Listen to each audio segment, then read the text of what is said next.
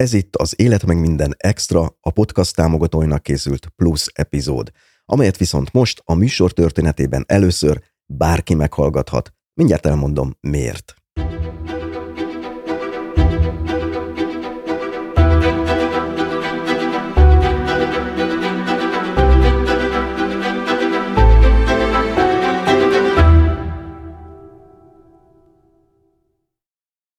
Kedves hallgatók, tehát nem tévedés, valóban az ilyen utóhang alcímet viselő epizódok, amelyekben a műsorban már szerepelt vendégekkel készül újabb beszélgetés, eddig csak a podcastot a Patreonon támogató hallgatók számára voltak hozzáférhetők. De ezzel az adással kivételt teszek, méghozzá két okból. Egyrészt ezek az utóhangadások rendszerint 30-40 perc hosszúságúak, de a most következő epizód szétfeszítette ennek kereteit, nem csak időben, hanem témában is – egy majdnem két órás, nagy epizódot hallgathattok most meg, amelyhez a hozzáférést azért sem szerettem volna korlátozni, mert égetően aktuális kérdésekről is szól ez az adás. Másrészt ennek az epizódnak lett volna egy ünnepi apropója. Ebben az évben minden adás előtt hallhattatok egy olyan szponzori üzenetet, amelyben elmondom, hogy a hallgatók támogatását, illetve a műsor reklámbevételeinek egy jelentős részét egy olyan képzeletbeli persejbe dobálom, amelyből majd az Élet meg minden podcastnak egy saját stúdió épülhet. Nos, kedves hallgatók, a terv az volt, hogy a Sajó Tamással készült beszélgetést már ebben az új stúdióban vesszük fel, és hogy így ez lesz az első olyan adás, amelyet nem az én nappalimban rögzítünk, ahol egyébként évek óta folynak a felvételek, és ahol a technika fokozatos és folyamatos bővülésével már egyre nehezebb a közlekedés. Ez majdnem sikerült is, a stúdió ugyanis majdnem elkészült. Ezt az új stúdiót úgy kell elképzelni, hogy ez egy kis minigarzon, ahol szükséges volt felújítási munkákat végezni, például az utcára néző ablakot a beszűrődő hang ellen szigetelni és hasonlók, nem egyszerű művelet egy olyan gazdasági válság idején, ahol mindenki most próbálja hőszigetelni a nyílászárókat. Így természetesen a tervezethez képest, és ahogy az minden lakásfelújításnál rendszerint bekövetkezik, itt is csúsztak a munkálatok. Tehát ezt a részt még a nappaliban rögzítettük, de már az új stúdióba szánt technikával. A stúdiót persze nem úgy kell elképzelni, mint azokat, amelyek állami vagy pártpénzből készültek el, itt nincs mennyei manna, azaz a legalapvetőbb technikával indulunk, és arra számítok, hogy majd a következő évek során egyre tökéletesebb és felszereltebb lesz ez a kis helység. Ahogy a műsor rendszeres hallgatói ezt már tudják, nem sietünk sehova. Fontos ugyanis, hogy ahogy ezt mindig elmondom az adások elején, ez a podcast sem állami intézményektől, minisztériumoktól, sem párttól nem kap támogatást, ahogy önkormányzatoktól sem. Így egyedül a műsor hallgatóinak támogatásából és a szponzorok jóvoltából működik. Tehát itt szeretném megköszönni azt, hogy ezt a podcastot immár több éve a magyar viszonyok között kiugróan sokan támogatják a hallgatók közül majdnem ezer jó magyar ember havonta szán arra kisebb vagy nagyobb összeget, hogy az élet meg minden podcast legyen, és még sokáig legyen. Szint úgy a műsor állandó és alkalmi szponzorainak is köszönet ezért. Ha már ez az évvégi adás ilyen rendhagyó bevezetővel indul, itt hegyezném meg azt is, hogy a műsornak van egy stratégiai partnere is, a Válasz Online – az Élet meg minden podcast a Válasz online-nal közösen gyűjti az 1%-os felajánlásokat, amely összegből így az én podcastom is részesül. Az idén először volt ilyen közös kampányunk, ezúton is köszönöm mindazon hallgatóknak, akik ilyen felajánlással segítették a podcast működését. Biztosíthatom őket, hogy az ő forintjaik egy része is beépült a stúdió felszerelésébe. És most akkor pár szót ejtenik arról is, hogy kivel és miről beszélgetünk ebben az adásban. Sajó Tamás hivatását tekintve művészettörténész, ám hosszú évekkel ezelőtt kilépett az akadémia világából, aztán elköltözött Magyarországról is, csömöri birtokát egy berlini garzonra cserélte, és ma már többnyire csak átutazóban van Budapesten. Ennek több oka is van, elsősorban az, hogy folyton úton van, hiszen abból él, hogy különböző, ma olykor egzotikusnak gondolt kultúrákat mutat be az értő közönségnek. Európa legnyugatibb csücskétől egészen Kínáig. Teszi ezt úgy, hogy kamatoztatja elképesztő nyelvtudását, hiszen tucatnyi nyelven beszél, és még ennyin olvas Sajó Tamás. Aki egyébként rá kíváncsi, és még nem hallgatta volna meg, ajánlom, hogy kezdjen bele az Élet meg minden podcast 40. epizódjába, ahol több minden is kiderül róla. Ebben az epizódban ugyanis elsősorban kultúrákról beszélgetünk. Egy képzeletbeli utazásra invitálom a hallgatót. A világ egyik sajnos egyre inkább egybefüggő konfliktus zónájába lépünk be. A forrongó Iránnal kezdünk, ahonnan a napokban tért haza Sajó Tamás, majd a nem éppen nyugodt napjait élő Törökországgal folytatjuk, ahonnan a szorongatott helyzetben lévő Örményországba utazunk tovább. Innen érkezünk meg aztán Grúziába, hogy végül Ukrajnával zárjuk ezt a túrát. Szóval ez az az adás, amiből kiderül, hogy a jelenkor fejleményei, konfliktusai mögött olykor több évszázados történések, feszültségek, vallási viták és hatalmi küzdelmek húzódnak meg. Itt említeném azt is, hogy vendégem nem vallástörténész, és még csak nem is történész, és pláne nem politológus vagy politikai elemző. Nézőpontja speciális, az említett vidékeken gyűjtött személyes élményei, tapasztalatai mellett ezeknek a helyeknek a feltárt és megismert kultúr és művészet története az, amiből kibomlik most egy olyan komplex értelmezése a világfolyamatoknak, ami remélem tényleg segít majd eligazodni abban, mi is folyik itt körülöttünk. Egy másik, talán említésre méltó körülmény, ez egy olyan adás, ahol a vendég és a műsorvezető is napok óta tartó náthával küzd, ez néha érződik majd a hangunkon, ahogy most is, de bízom benne, semmit sem von majd le az epizód értékeiből. Természetesen, ahogy az eddigi epizódoknál már megszokhattátok, ehhez az extra adáshoz is készültek részletes műsorjegyzetek, ezeket a műsor honlapján találjátok meg, amelynek címe az életmegminden.hu, tehát még egyszer ékezetek nélkül az életmegminden.hu. És akkor e hosszúra nyúlt és rendhagyó bevezető után következzen a beszélgetés Sajó Tamással.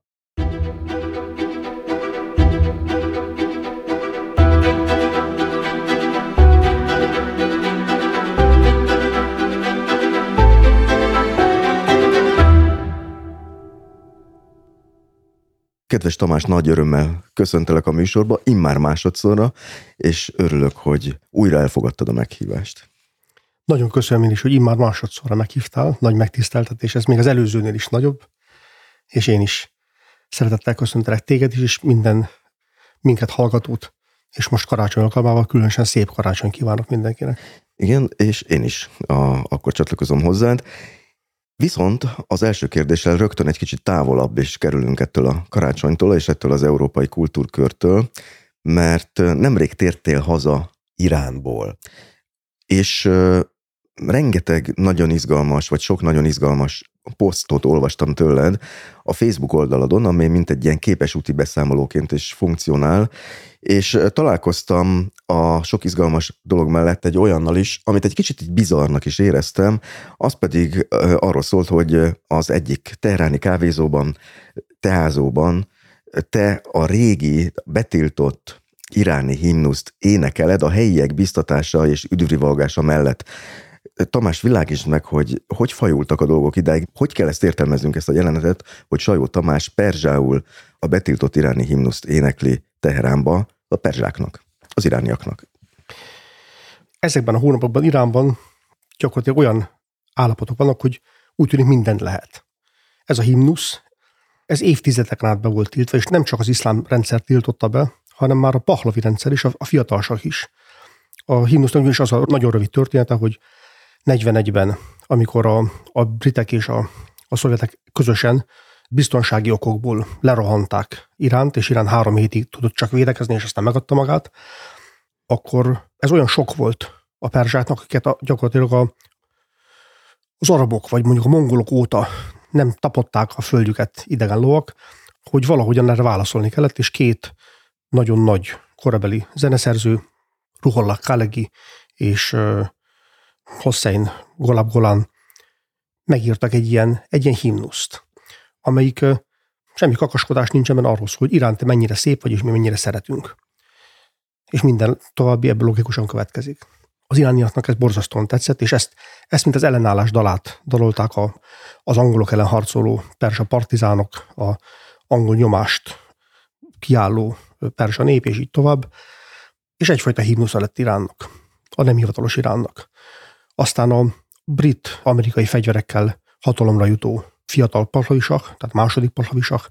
Mert hogy volt egy első, aki... Az apja volt, a, a, a nagy, nagy pahlavi, nagy Reza pahlavi, ez pedig a kis Reza pahlavi volt. Kis Reza pahlavi betiltotta a dalt, mert túlságosan arra emlékeztette, hogy hogy, hogy tulajdonképpen az ellenség révén került hatalomra. Onnantól kezdve, tehát 46-tól kezdve megint egy 30 évig parkolópályán volt a dal, de mindenki ismerte, persze énekelte, és amikor 79 ö, januárjában elkergették a sahot, és volt egy nagyon rövid ideig egy demokratikus iráni kormány, akkor hivatalos himnusz lett Iránnak. Aztán jött Khomeini, aki épp úgy, mint 17-ben a, a bolsaikok elcsalta a demokratikus forradalmat és iszlám hatalmat vezetett be helyette, akkor megint betiltották a, a himnuszt, és, és azóta is tilosban, de mélyen ezt ismerik el valódi himnusznak. Tehát ez tulajdonképpen a most nemrégiben kezdődött tüntetés sorozatoknál megjelent, mint egy ilyen, mint egy ilyen tiltakozó dal. Nem jelent meg, valószínűleg azért, mert ez a két ideológia, a 79-es demokrácia és a mostani tiltakozás már nem teljesen fedi egymást, ez már teljesen új világ. Ez egy olyan forradalom, olyan tüntetés, amelyik már a, a saját apjait is eltávolítja magától, amiért hagyták átsúszni a hatalmat az iszlamisták kezébe. De mindenképpen egy, egy nagyon fontos erekéje a, az iráni ellenzéki kultúrának. Tehát nem ez a hivatalos himnusza most a lázadó ifjúságnak? A lázadó ifjúságnak van egy hivatalos himnusza, ami egy repdal, uh-huh. a baraje, a, az azért mert, vagy azért hogy. Azt is lefordítottam ezekben a posztokban, egy gyönyörű repdal, amelyiket a, a szerzője azokból az SMS üzenetekből állított össze, hogy ki miért áll a forradalom mellé, vagy most a tiltakozások mellé. Azért, mert, azért, mert, azért, mert a vég utolsó sor, hogy, hogy Baroja Zenzendegi Azadi a nőkért, a, az életért, a szabadságért. Baroja Azadi a szabadságért. Na, még visszatérünk arra egyébként, hogy a Sajó Tamás miért énekelt ezt a himnusz, de akkor közbevetőleg arra kérlek, hogy azok a hallgatók, akik nem követték az iráni eseményeket, hogy tudnál nekik röviden összefoglalni, hogy miért robbantak ki ezek a tiltakozások? Azért, mert akkor kérlek folytasd a mondatot. Ö, azért, mert elcsúszott az idő. Ókárhozott. És a mostani generációnak kell helyreállítani azt. Azért, mert a, az iráni iszlám rendszer alul kicsúszott, a, kicsúszott az emberanyag. Hát az az új generáció, amelyik, amelyik most egyetemista, és att, attól feljebb, mondjuk, mondjuk 50-60 évig, ezek már nem élték meg a, a háborút, vagy kicsi gyerekként, tehát nem harcoltak benne.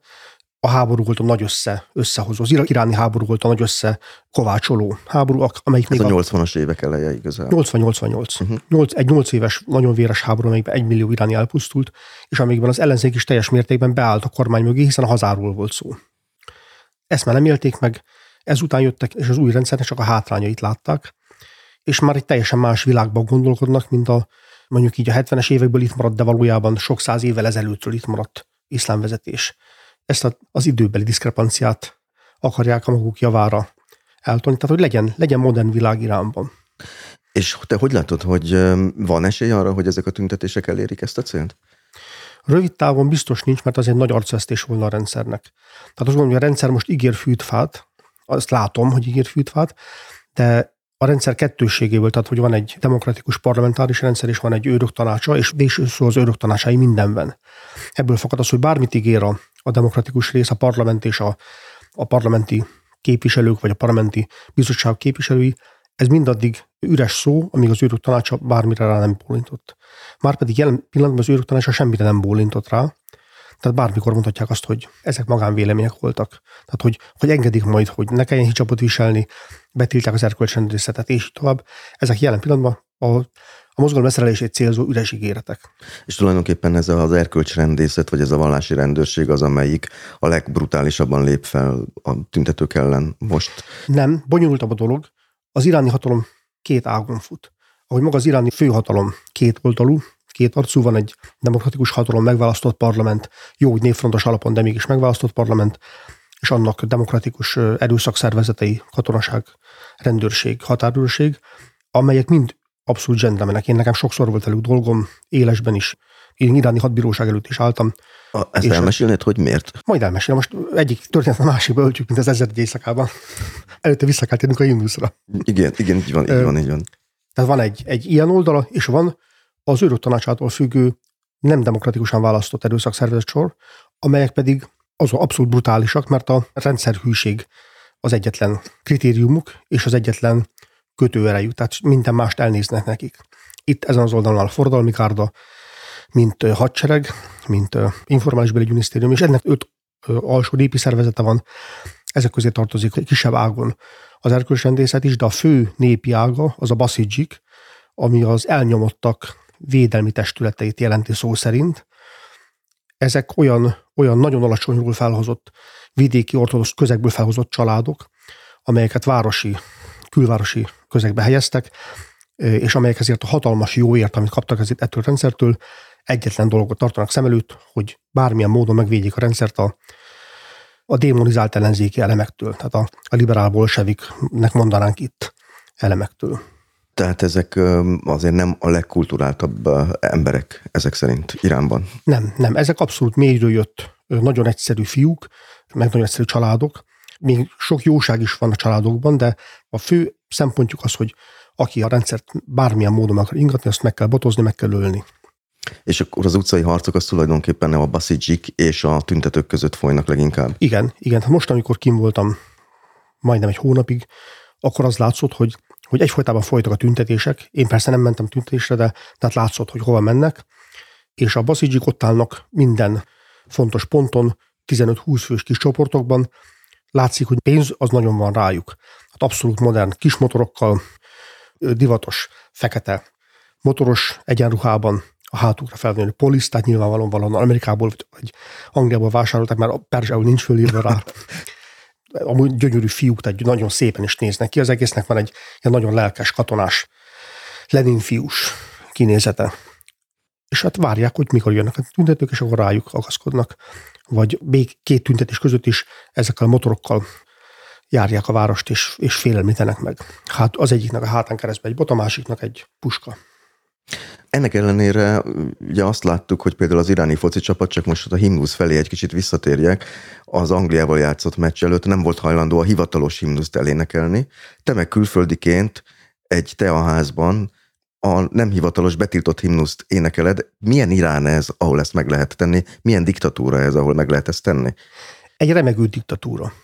Ha már a foci meccsről beszélsz, akkor pont ott voltam Terán utcáin, amikor a Velszék ellen berúgták a két gólt. És mentem le kebabozóba enni, elmentem a pazicsik mellett, akik akkor büszkén feszítettek, a kebabozóba rúgták be a Velszék az első gólt, hatalmas üdvővalgás, elindultam visszafelé, berúgták a második gólt, akkor az egész utca üvöltött, és megyek vissza ugyanúgy mellett a baszidzsik mellett, és a baszidzsik szemmel rettegtek. Teljesen megváltozott a két gól után a kinézetük, mert tudták, hogy most az egész Irán az utcákra fog ömleni, és olyan büszkeség fogja őket eltölteni, hogy nem, nem félnek senkitől, legkevésbé tőlük. És hát öltek meg Baszidzsikot az elmúlt hetekben, többet is, úgyhogy nem lehettek biztosak benne, hogy most nem ők vannak a bot rosszabbik végén. És akkor miért pont téged kértek meg a helyiek, hogy te énekeld a himnuszt?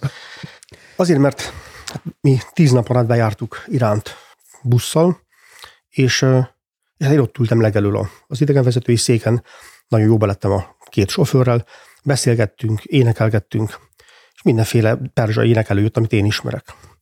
És többek között a, ez a, a betiltott himnusz is. Nagyon boldog voltak, hogy tudtam, és amikor a telházba beértünk, ez egy zenés telház, direkt úgy választottam ki, hogy az utolsó esténken egy zenés telházban legyünk. Többféle zenés telház van, a klasszikus zenét játszanak, ahol ezt, azt. Ez egy sanzonokat éneklő telház volt, és amikor bementünk, már jobban tartottak a sanzonok. Láttam, hogy ott a buszvezető suskusolnak a, az énekessel, de nem tudtam, hogy miért. És aztán, amikor a szünet lett, és levonultak a zenészek a, a színpadról, akkor az énekes ott maradt, és bekapcsolt, hogy mondják ezt, playbacket, karaoke zenét. Tehát olyan dalzenét, ami, ami nem szól dal, csak, csak az, alap, csak, a zenei csak alap. az a zenei alap. És akkor bemondta a nevemet, hogy kér engem a színpadra. Nem értett, nem értett, fölmentem, de akkor tudtam, hogy az a zene, ami, ami ott zajlik, az a betiltott himnusz nagy zenekari felvezetője. És akkor megkért, hogy énekeljem el. Tehát mit van mit tenni, ha egyszer szabad, ha egyszer ő maga kér föl, ha itt baj van, akkor az ő arca fog először elveszni, az ő feje fog először próbálni, csak aztán az enyém, ha ez, ha ez bármilyen vigasz. Hát elénekeltem. Elénekelnéd egyébként itt is? Ej Irán, ej marze porgohár, ej kakaszár csesmeje honár, دور است و اندیشه بدان پاینده مانی تو جاودان ای دشمن ار تو سنگ کاره ای من آهنم جان من فدای کاک پاک میخنم میرت تو چون شد پیشه هم دور از تو نیست اندیشه هم در راه تو ahandiseham, darra heto, ke jarzesi doradinjonema, pajan de batka ke iranema. Gyönyörű. Nagyon szép. Szép, szép. Itt hozzátenem csak a hallgatóknak mondom el, hogy ezért itt egy olyan emberrel beszélgetek, mármint veled, aki hát nem csak az iráni himnusz, hanem az iráni költészetben is nagyon otthon van. Mennyire értékelik a perzsák, hogy te ott a buszon az ő verseiket szavaltad, vagy az ő szövegeiket mondtad? Nagyon, nagyon. Hát ez, ez egy, ez egy nagyon nagy kultúra, de hát egy elzárt, kevésé értett nyelv, az arab írás miatt kevés és olvasott nyelv. A nyugatiak ismerik ugyan Háfez, meg Omar Khayyam, meg, meg hasonlók neveit, de, de nem hiszem, hogy a hallgatók közül nagyon sokan olvastak volna akár egyetlen Háfez verset is. Nem, nem jön át ez a költészet, már csak azért is, mert gyakorlatilag lefordíthatatlan. Annyira a perzsa nyelv zenéihez kötődik ez a költészet, ez irodalom, hogy, hogy nagyon nehéz lefordítani. Prózafordítás lesz, akármit akar az ember belőle csinálni. Úgyhogy az, hogy az ember tud valamit, tud egy verset perzsául, azt teljesen megrázza őket, és akkor már, már, már kedvük leürelnek. Nekem az a benyomásom, én nem tudom, mert nem vagyok semennyire se otthon ebbe a kultúrába, csak hallottam, hogy náluk a költészet, a perzsa költészet, az valahogy, mintha egy fontosabb eleme lenne az oktatásnak is, meg a kultúrának is, mint Igen. mondjuk itt Európában. Igen, igen, igen. Igen, sokkal inkább a költészetükben élnek, mint, mint mi. Én ennyire a költészetben élő kultúrát, kettőt ismerek, csak az oroszt meg a, meg a spanyolt, ahol ha benyomod a gombot, akkor, akkor jön, jön az emberekből a vers, meg, meg jönnek a, az irodalmi a, szövegek. A spanyolokból is? Mert a spanyolok is, igen. A spanyolok, a spanyolok ugyanilyenek. A spanyolok teljesen ilyenek. Mennyire jellemző egyébként az, hogy ezek a tüntetések, amelyeknek a világi jellege azért valamelyest érződik, egy, hogy egyben vallásellenesek is lennének, vagy valami fajta régi Perzsiát vágynának vissza? Nem jellemző. Nem jellemző. Ez, ez az egész régi Perzsia, meg vallás, ez, ez egy olyan ellentét, ami, ami ami már meghaladott ennek a generációnak a számára. Ez a generáció, ez, ez egyszerűen szabadságot akar. A régi Perzsia az, az a sah rendszeréhez kötődött, a sah volt az, aki ideológiával emelte a, a régi ókori Perzsia örökségét. Ezek a gyerekek, ezek, ezek mind iszlám környezetben nőttek fel, legnagyobb részük járt legalább egyetemista koráig mecsetbe, a helyi muszlim közösség tagjai voltak. Ezeket a közösséget úgy kell elkezdeni, nagyon jó, meleg, összetartó kis helyi, helyi közösségeket, nem hívők is tagjai, mert, mert hiszen ezek közösség, ezek helyi klubok. Ezek nem feltétlenül a hatalomnak a meghosszabbított szervezetei akkor. Nem, nem, ezek, ezek sokkal régebbiek, mint a hatalom. A hatalom kisajátítatja őket, meg, meg hatalom csinálhat ilyeneket, meg befolyásolhatja őket, meg beültethető saját mulatjai, de ezek helyi közösségek. Mint nálunk a helyi plébánia közösség, ami lehet ilyen is, olyan is. Tehát ezek a gyerekek ebben, ezekben nőttek föl, de már ezek az értelmezési kereteken kívül vannak.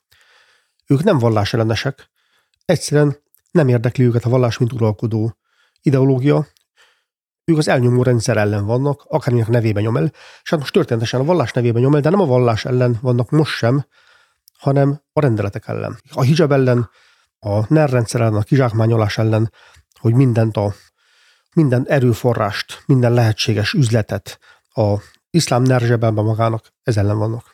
Tehát igazából, hogyha valamilyen csoda folytán győzne itt a demokratikus Irán, akkor nem tagadná meg nyilván a, azt az iszlám örökséget, amit évszázadok óta jellemzi Iránt.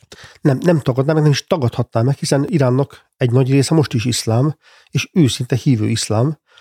Nincsenek pontos statisztikák, de nem hiszem, hogy abszolút kisebbségben volnának. És hát az irániak ma is különbséget tesznek iszlám és a kormány között. Tehát ők egy csomó magukat muszlimnak tartják, eljárnak a helyi mecsetbe, eljárnak a közösségbe, de az iszlamista rendszert elutasítják. Csak egy olyan statisztika, amit a, ami hivatalos statisztika, tehát maga a kormány hagyta jóvá, hogy péntekenként a pénteki déli imára Mohamed óta nem a helyi mecsetbe kell járni, hanem a nagy mecsetbe, a pénteki mecsetbe, azért, mert olyankor osztják le a politikai üzenetet. De akkor egy tűzről pattant imám, vagy a sítáknál mullak egy gyújtóbeszédet tart, hogy ki az ellenség, és kit kell, kit kell kicsinálni következő héten. Ez a nemzeti konzultációnak egy ottani formája. Mondhatjuk így is. És a hívő muszlimnak nem vallási kötelezettsége, mert az öt vallási kötelezettség között, ami az egyetlen kötelező elem az iszlámban nincs benne, de illik erre a imádságra és erre beszédre a nagy mecsetbe járni, nem a saját kicsi helyi mecsetébe. Az iráni hivatalos statisztika szerint az iráni férfiaknak mindössze 1,5%-a jár erre a pénteki mecset imádságra. Ami azt jelenti, hogy ők, ők a helyi iszlámot azt helybe hagyják, ők szeretnek a saját kis mecsetükbe járni, de a politikai nagybeszédből nem kérnek. Hogy kerültél hat bíróság elé? Hát ezt félbehagytuk ezt a történetet. Hárman voltunk, fotósok. Egy gyönyörű nyári napon, a ramadán előtti utolsó délután, amikor mindenki kivonul a természetbe és eszik, iszik, mert 40 nap bőjt jön, iráni Kurdisztánban az irán-iraki határon mentünk végig, ami egy elképesztő szép hegygerinc, le lehet látni mélyen Irakba, Szolajmania városába, és ott mentünk végig, és ettünk, ittunk, kínáltak minket a helyi kurdok, akik ott kín ünnepeltek, fotóztunk, és egyszer csak, mikor játszálunk vissza a kocsiba, akkor négy figura megragadott minket, elvették a kulcsot, engem, aki sofőr voltam, beültettek egy rendőrautóba, a sofőr helyébe beült egy másik, és vittek minket a legközelebbi városka rendőrségére. Azt állítva, hogy, hogy katonai objektumokat fotóztunk. Ott is látszott a, a különbség és a nagy feszültség a, a hivatalos erőszakszervek és a, az ilyen önjelölt ö, ávósok között, mert ezek önjelölt ávós figurák voltak, ilyen önjelölt baszidzsik, hogy a rendőrség lekoptatta őket, mondta, hogy nekünk ezekkel nincsen dolgunk, vigyétek, ahol akarjátok. Nem foglalkozunk velük. Akkor átvittek a határőrségre, hogy, hogy határújatomokat fotóztunk. Határőrség is lekoptatta őket, mondták, menjen, menjenek innen a fenébe, ők ezzel nem foglalkoznak, és közben a határőrök odajöttek hozzánk, és vigasztaltak, és nyugtattak, hogy nem lesz semmi baj, itt minden rendben lesz.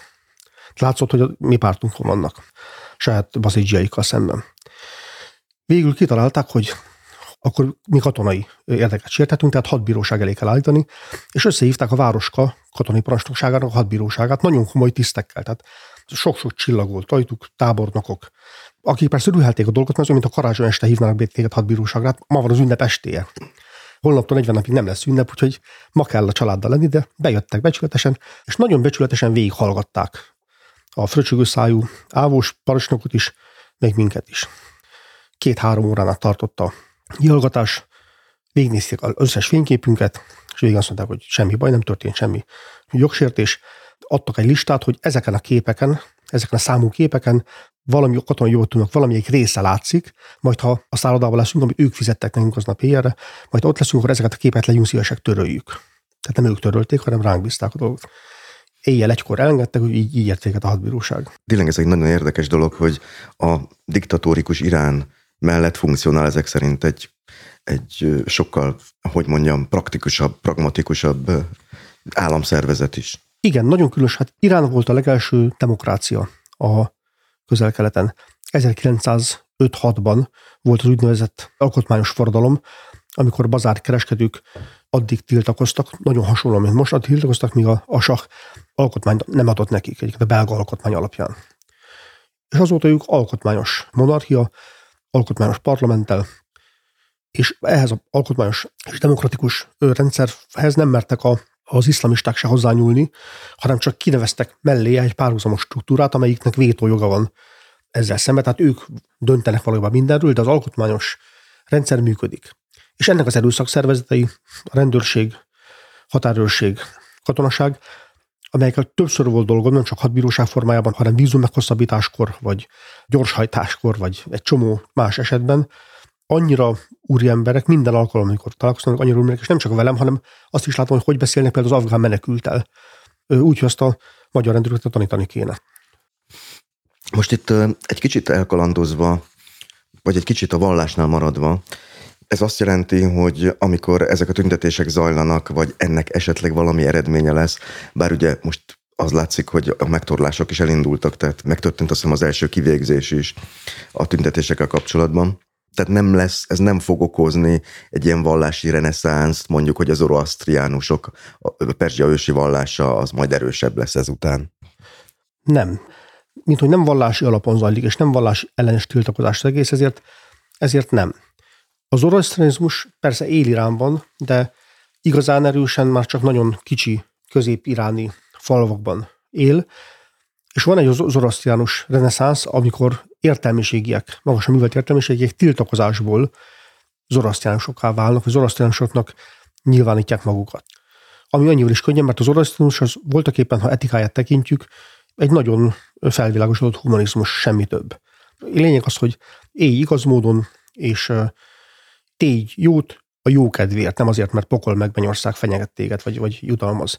Tehát ez könnyű elsajátítani, és ezt persze nem csak az értékei miatt, hanem, hanem a hivatalos iszlám szembeni tiltakozásként is nagyon sokan, sok ezren választják. Én a Facebook oldalon láttam egy zoroasztrinus költőtől egy verset, nem tudom, jól lejtem a nevét, Szádi. Igen. Ö, és... Ő, ő nem zoroasztriánus volt, ő, ő iszlám költő volt, amit ott zoroasztriánus megjegyzést tettem, az az, hogy, hogy ez, a, ez a vers, ez noha egy muszlim költő írta, ez teljesen tisztán kifejezi az oroszlánus etikát. Értem. Én azt hittem, hogy ez egy zoroasztriánus szöveg. Akkor félreértettem a posztot. szövegnek is elmenne. Elmenne. Uh-huh, uh-huh. Ha megengeded, akkor ezt felolvasom, mert ez annyira alátámasztja azt, amit mondtál, és nekem nagyon tetszett rövid vers. Azt mondja, Ádám fiai egyazon test tagjai, mert teremtéstől kezdve egy lényegűek. És ha az egyik tagnak fáj valami, azt a többi tag is megérzi. Ha tehát nem érzed a másik fájdalmát, nem érdemled meg az embernevet. Nekem ez egy kicsit olyan, mint hogyha itt a felebaráti szeretetről is van szó, tehát ez a fajta um, hozzáállás, hogy az empátia, hogy bele tudjunk helyezkedni a másik fájdalmába, vagy a másik szenvedésébe, ez mint hogyha a kereszténységben lett volna egy még tovább egy lépés. Igen, hát ez, ez megvan, a, megvan a zsidóságban is, megvan a kereszténységben is, de megvan az zoroasztrianizmusban is, amelyiknek az alapvető elképzelés az az, hogy egy jó Isten, Ahura Mazda megteremtette a világot, de a világot valahogy nem tudta megteremteni rossz nélkül, amit mi entrópiának neveznénk. Jóval később teszik ezt a rosszat csak személyessé, majd csak Krisztus utáni zoroasztrianizmusban lesz ebből sátán, addig egyszerűen csak a rossz, rossz működik benne, romlik, bomlik, pusztul le. És ezért Isten megteremtett az embert, hogy jöjjön le, és javítson rajta. Mint a, mint a szerelő, akit, akit felküldenek az űrállomásra, hogy ami ott romlik, azon javítson, és akkor megint egy darabig működik a, a, a bolygó. Az entrópia szétesés ellen ható erő. Azért, vagy, azért vagyunk itt, hogy, hogy az entrópia ellen dolgozzunk. És nagy különbség a másik két vallással szemben, hogy amikor befejeztük ezt a feladatunkat, és visszamegyünk a bázisra, akkor nem fogják megkérdezni, hogy nem fognak osztályozni, nem fogják megkérdezni, jól csináltam a feladatot sem, és akkor ezek alapján, hogy pokorra vagy mennyországra kerülök, hanem elvégeztem a feladatot, visszakerülök. Kész. Tehát feltételezik, hogy azért mentem le, hogy jól csináljam a dolgot, és ez biztos jól csináltam. Amit, ami erőmtől terhet, azt megcsináltam. Hát ami az ember feladat az, hogy itt a Földön lehetőleg a tőle telő legnagyobb jót csinálja, empátiával, a többi ember iránti empátiával, a világ iránti empátiával. Az oroszenzmusban helyből benne van az a világ iránti, a teremtett természet iránti empátia például, amelyik a, a kereszténységben és zsidóságban helyből nincsen benne, hiszen kereszténység zsidóságban mi a világot uraljuk. Birtokoljuk, uraljuk, és azt teszünk, valamit akarunk. Ott meg szereljük. Ott meg szereljük, igen. Nagyon érdekes, ez akár lehetne egy modern 21. századi gondolatvilág is. Ilyen az, is, az is Iránban van, van nagyon erős az orosztánus alapú zöld mozgalom. Ez nagyon biztosan hangzik így, bár, pedig, bár pedig, nagyon pedig logikus. Nagyon logikus. Igen. Hm. Igen.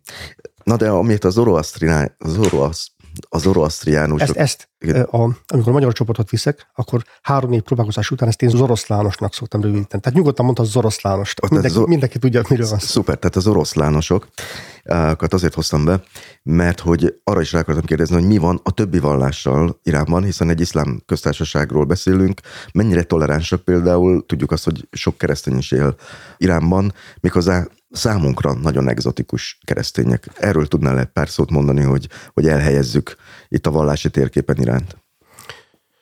Különös módon Irán, még a mostani iszlamista formájában is nagyon toleráns a, a hagyományos más vallások iránt. Ezek a hagyományosak a zsidó és a keresztények, azért, mert ezek valamilyen szempontból mind perzsának számítanak. A zsidók kezdettől fogva jelen vannak Perzsiában, és nem, nem idegen testként, hanem a perzsák kiegészítőiként, gondoljunk csak Eszter könyvére, és a keresztények is, az ottani keresztények valamilyen módon szervesen belenőttek a, a perzsa kultúrába és történelembe. Úgyhogy még most sincs negatív diszkrimináció velük szemben. Akkor sem, hogyha Teheránban az ilyen pénteki szánszokon le Amerikával, meg le Izraellel van egy ilyen zsidó ellenes éle is. Zsidó ellenes éle nincs. Nagyon élesen megkülönböztetik a antiszemitizmust, anticionizmustól. Irán, különösen, amit mondod, Irán a kevés által ismert ország közé tartozik, ahol nincsen antiszemitizmus. Nincsen népi antiszemitizmus, és igény sincs rá. Nem diszkriminálják a zsidókat, az ott élő zsidókat sem, és nincsenek negatív képzetek a kabzsi, harácsoló zsidókról sem. Tehát nincsenek ilyen karikatúrák, hogy nincsenek karik... gyűjtögeti a földi nincsen. javakat? Nincsen, mert nincsenek ilyen, ilyen negatív képek. A zsidók perzsa testvéreink, akik sok évszázad át velünk nőttek, velünk éltek együtt, most is velünk élnek együtt, még mindig 15 ezer zsidó van Iránban, semmi ellenségesség nincsen velük szemben. Izrael szemben van, de az is egy politikai termék. Az azért van, mert uh, honnan is kezdjem. Az egész, az egész iráni külpolitikát alapvetően egy Irán, Szaudarábia, egy síta, szunita tengely mentén kell elképzelni. Tehát Iránnak a legfőbb ellensége Szaudarábia és a Szaudarábia mögött álló Amerika.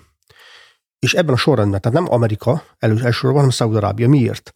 Azért, mert ahogy Mohamed utáni évtizedektől kezdve, ahogy a síita, szunita ellentét kifejlődésétől kezdve, most is arról van szó, hogy ki vezeti az iszlámot, ki vezeti az ummát.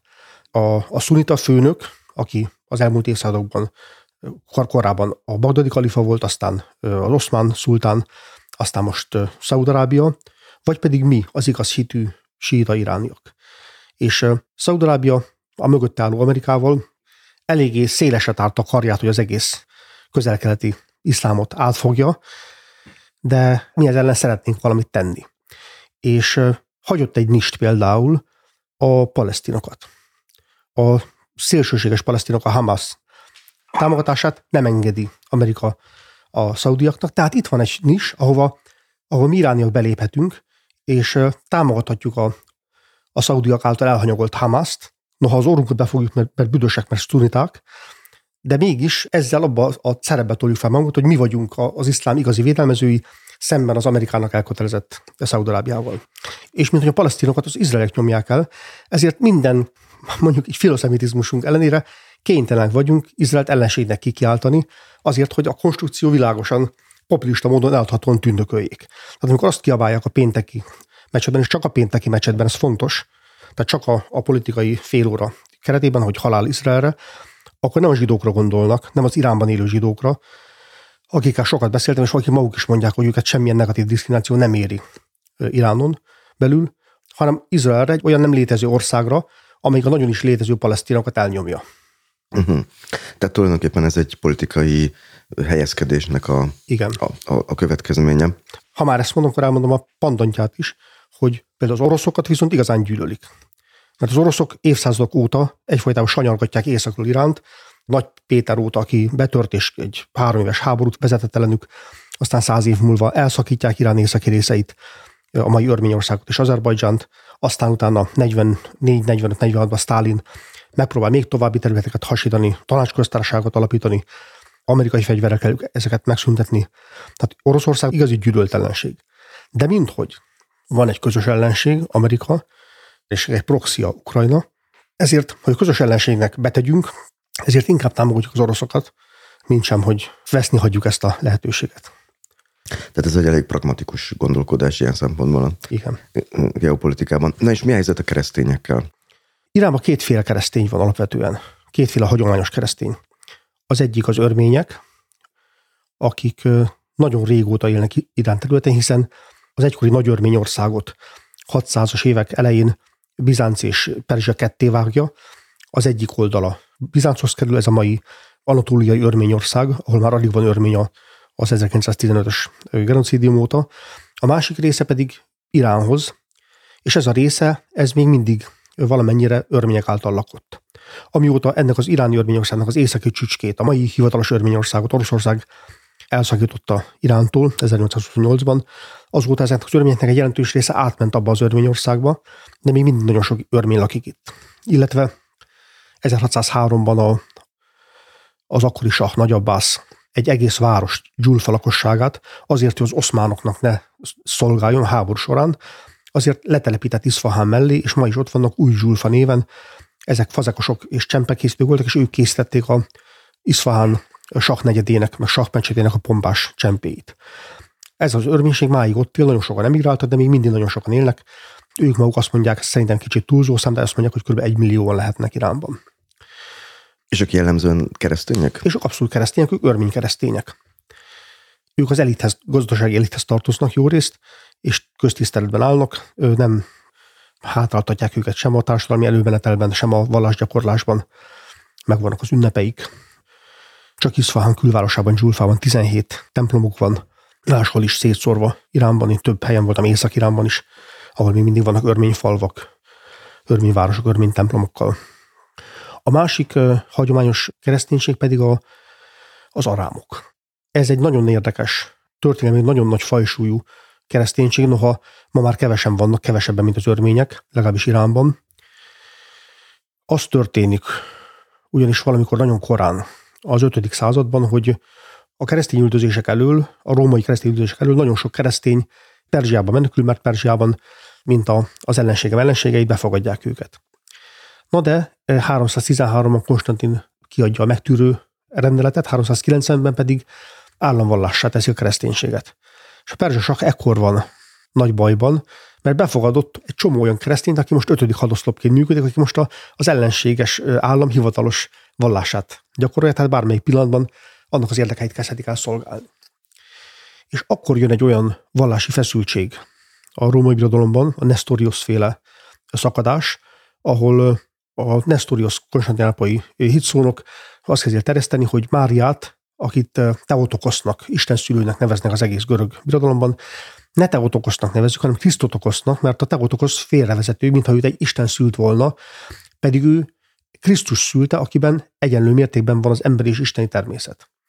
Ez a tanítás, ez akkori és mostani teológiai szempontból abszolút helytálló, ebben nem lehet kifogást találni. De azt a kifogást találják, hogy a, a nép, amelyik hozzá van kötődve a Teotokoszhoz, fellázad és követeli császártól ítél Nestorius, mert, mert egy ennyire bevett kifejezést Megváltozott. meg, eretneknek nyilvánít. Ez olyan, mintha én nem tudom, az eszterogmi érsek betiltaná a nagy boldogasszony szó használatát, mert ez pogány eredetű. Így van, és a nagy boldogasszony szóra semmilyen teológiai érvet nem lehet találni, de hát a, a hagyományos konzervatív kereszténység fellázadt mellene. Na ott még jobban felázadtak, és el sikerült elérni, hogy Nestoriuszt zsinatítéllyel, és őt is, meg a követőt is száműzzék a birodalomból. Hol mennek? Perzsiába. És ott mindjárt jelentkeznek a saknál, hogy van egy jó ötletük, hogy a kecske is megmaradjon, és a káposzta is jól lakjon. Hogy az egész perzsiai kereszténységet át kell állítani Nestoriánusra, amivel valójában semmilyen teológiai visszaélést nem követnek el, hiszen még pontosabb teológiai kifejezést is használnak Máriára, viszont ezzel radikális ellentétbe állítják az perzsiai keresztényeket a rómaiakkal, és többet nem fogják Rómát szolgálni.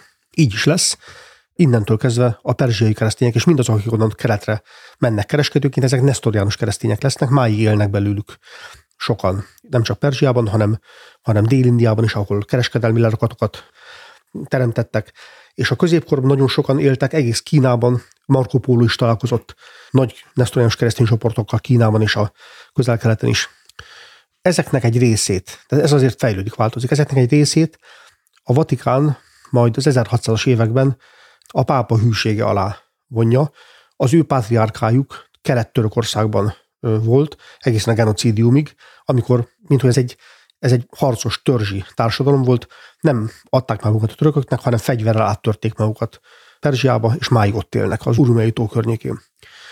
Egy részüket mondom a Vatikán a római felhatóság alá vonja, ezeket hívják Káldeusnak, azok a, a keresztények, akik elismerik Rómát, és ezeknek Teheránban is van temploma, ez a teheráni katolikus templom tulajdonképpen, ahol katolikus szertartás szerint a pápa nevében, de arám nyelven folyik a, a mise. És a másik fel ennek a társaságnak a szír keresztények, amiket szír keresztényeknek hívunk? Igen. Tulajdonképpen a szír meg az arám ugyanaz a, a szó. A szírek nagyon élesen elkülönítendőek a szíriaiaktól. A szíriaiak... Tehát, hogy ez nem ugyanaz. Abszolút nem ugyanaz. A szíriaiak azok az arabok, akik az angolok által 1920-ban létrehozott Szíria országban élnek. Az országnak egy ókori római tartomány nevét adták. A szírek azok egy olyan, olyan sémi nép, az arhámok, az ókori arámok leszármazottai, akik azt szintén sémi asszírokra vezetik magukat vissza, innen van a név is, de már nem csak ők, hanem már a görögök is oda vezették vissza őket. A görög szűrosz, az tulajdonképpen az asszűrosznak egy, egy rövidítése. De a lényeg az, hogy ezek egy olyan sémi nyelvet beszéltek, amit nagyon közel áll például a Héberhez, ugyanazokkal a betűkkel is írtak, az arám írásból fejlődik ki a héberírás, és máig egy nagy tömböt belaknak Dél-Törökországtól, Nyugat-Iránon át, Leszíriáig, ahol egyre kevesebben vannak, mert minden iszlám csoport őket üldözi, Jeruzsálemig, és egyre többen Nyugat-Európában. Most már többségük Nyugat-Európában él. És az azt jelenti, hogy akkor a teheráni vezetés velük szemben is ugyanúgy toleráns és gyakorolhatják az ő, ezek szerint nesztoriánus hitüket, ezt jól mondom? Az iráni szírek vagy arámok háromfélék. Eredetileg nesztoriánusok voltak, de nagyon nagy részük katolikussá lett, ami igazából nem, nem igényelt semmiféle teológiai megtagadást, vagy teológiai megtagadását, hiszen, mint mondtam, eredendően nem volt komoly teológiai különbség a két ágazat között. Ez a káldeusok, és egy, egy részük pedig ahhoz a szírágazathoz tartozik, ez a harmadik szírágazat, amelyik Dél-Törökországban és Libanonban dominál. Ezek a, a jakobita szírek, vagy, vagy monofizita szírek. Ez egy olyan ágazat, amelyik annak idején bizánci fennhatóság alatt volt, amíg Bizánc létezett, és a saját uraikkal álltak szemben, ha a bizánciak ortodoxak, akkor mi, mi a monofizitákhoz csatlakozunk, ami azt jelentette, hogy sokkal többre tartjuk Krisztus isteni természetét, mint az emberit. Megint egy olyan finomságról van szó, ami, ami nem egy nagyon komoly teológiai eltérés. Manapság például az ortodoxok már abszolút elfogadják a, a monofizitákat, és viszont de akkor az akkori kiélezett szóhasználatban ez, ez számított, és a bizánciak elítélték, sőt, fegyverrel üldözték a monofizitákat. A szírek talán éppen ennek hatására nagyon bekeményítettek, és monofiziták maradtak, és monofiziták is mind máig. Ma Dél-Törökországban él a, a döntő többségük, Turabdin Kolostor vidékén, meg Mardin és hasonló kisvárosokban, és ezek, ezek mind monofizita püspökségek is. Ott is ilyen megfelelő a helyzetük, mint Iránban egyébként Törökországban? Nem, nem. Törökországban abszolút üldözik őket. Törökországban mindenki üldözi őket. Üldözi őket az államhatalom hagyományosan. Az 1915-ös örmény genocidiumkor volt egy kis mellékes szírgenocidium is, a Saifo, ahol csak azért nem tudták őket teljesen kiirtani, mert nem tűrték elpuhult városi népek módjára, mint az örmények, hogy kihajtsák őket a városon kívülre és megöljék, hanem fegyveresen ellenálltak és bezárkóztak a falvaikba, megelőtették, és akár évekig is fegyveresen tartották magukat. Mindaddig, amíg el nem múlt a veszély. Tehát üldözte őket az oszmán államhatalom, üldözte őket az Atatürk féle Törökország, üldözték és üldözik őket mindmelyik a kurdok, akik szeretnék kisajtítani a szírek földjét. Tehát a törökök üldözik a kurdokat, a kurdok üldözik a szíreket. Így néz ki Törökországban a, mi ez, hogy szokták ezt mondani, a ragadozó lánc? Igen, igen. És üldözik őket az ISIS emberei is, akik Erdogan hallgatólós engedelmével átszivárognak ott a határon, és kegyetlenkednek. Most már nem, de, de amíg az ISIS virágzott, addig átjöttek, és, és a jezidi, meg a, a szír keresztény falvakat terrorizálták. És ez miért jó a törököknek? Mert ugye, hogyha egy iráni iszlám forradalmi rezsim meg tud lenni békével velük, a törökök miért nem? Vagy a török hatalom miért nem? Iránnak sose volt olyan problémája, hogy az ő kisebbségei felázadtak ellene is, és szét akarták darabolni. Törökország helyzete sokkal inkább Magyarországhoz hasonlít, ahol a, a nemzeti kisebbséget mondjuk legalább 48 óta egyfajta belső ellenségnek tekintjük, vagy tekinti Magyarország, mert hogy azóta komoly törekvéseket tettek a kisebbségek, hogy, hogy a saját területeiket függetlenítsék. És ez, ez nálunk sikerült is nagy részt Trianonnal. A törököknél is sikerült egy hasonló, épp az ő trianonjukkal, a, a szánszerű békével, ahol Törökország gyakorlatilag szétdarabolták kis nemzetiségekre. De már előtte is a, a berlini kongresszuson 1878-ban a nemzetiségek javára vágták le az oszmán birodalom rettentő nagy részeit. És ezért az van, hogy a, a nemzeti kisebbség, vagy a vallási kisebbség az, az belső ellenség, és az ifjú törökök, akik 1980 jutottak hatalomra, azt mondták, hogy egyetlen megoldási módja van ennek, hogy egész Törökországot homogén nemzetállamá kell tenni, ami a nemzet és vallás kisebbség kiirtását jelenti. És ők nagyon keményen és szisztematikusan dolgoztak is ezen, és el is érték. Na most ugye ezt a bevezetőben is elmondom, hogy te nem kifejezetten vallástörténészként viszonyulsz ezekhez a népekhez, hanem egy olyan utazóként, aki személyesen találkozol velük, és tapasztalatot és élményeket gyűjtesz, és művészettörténészként is, aki nem csak a történelmükre figyel, nem csak az építészetekre figyel, hanem valami fajta a vizualitásra. Igen. És nekem a lelkemre kötötted, hogy kérdezzem meg, mert hogy szerinted ez nagyon fontos, hogy hogyan tekintenek ők a, a képekre, mert hogy ez egy kulcsa ennek a, ennek a szír arámi keresztény világnak, és a Bizáncot követő ortodox keresztény világnak is, hogy egészen más módon, amit mi nyugaton már nem tudunk dekódolni, vagy nehezen. Azért tartom ezt fontosnak, azért kötöttem a lelkedre, és ezt kérdeznek, és azért tartok erről fontosnak legalább egy pár szót mondani, ha ez nem egy művészettörténeti előadás, mert azt mindenki tudja, aki orosz filmet látott már, vagy volt Oroszországban, vagy orosz képeket látott, hogy a, az ikon, az ikon sarokban, meg az ikonok a körmeneten mennyire fontos részei a, a hagyományos orosz kultúrának, meg a regényekben, mennyire fontosak a képek. Sokkal fontosabbak, mint a nyugati kultúrában, nem csak az anikonikus protestáns felekezetetnél, hanem akár a katolikusoknál is. De egészen mások. Hát ha valaki ikonokat néz, nem igen érti, hogy mi ebben a, a pláne. Egy Rublev ikonnál, ha megmondják, hogy az Rublev, akkor még úgy meginkatjuk a fejünket, hogy hát ez valami tényleg azok a gyönyörű emberi vonások az angyalok arcán de ennél nem sokkal több. Egy ikon láttán, ami az ortodox kultúrának Oroszországtól, Grúzián át Görögországig alapvető eleme, annyit látunk, hogy hát ez, ez, ez ön ügyetlen. Ez nem érte el a, a, a valóság hűségnek azt a fokát, amit, amit mi itt a reneszánsz óta már művelünk. Nem képes térben látni, nem térábrázolás. Nem tér, térben ábrázolni, nem, nem képes a valóság hűségre, nem, nem, nem természethű, ö, olyan furcsán tartják kezüket, olyan furcsa, merev az egész, a merevség. Ez egyik. A másik nagy képi kultúra pedig a, a, a monofizitáké, elsősorban az örményeké, akik meg még csak nem is ábrázolnak embert. Vannak keresztjeik, rengeteg keresztjük van, sőt, szinte csak keresztjeik vannak, de nincs rajta egyik se Krisztus. Vagy csak nagyon egy-két olyan példán, amelyik, amelyik ortodox befolyása született.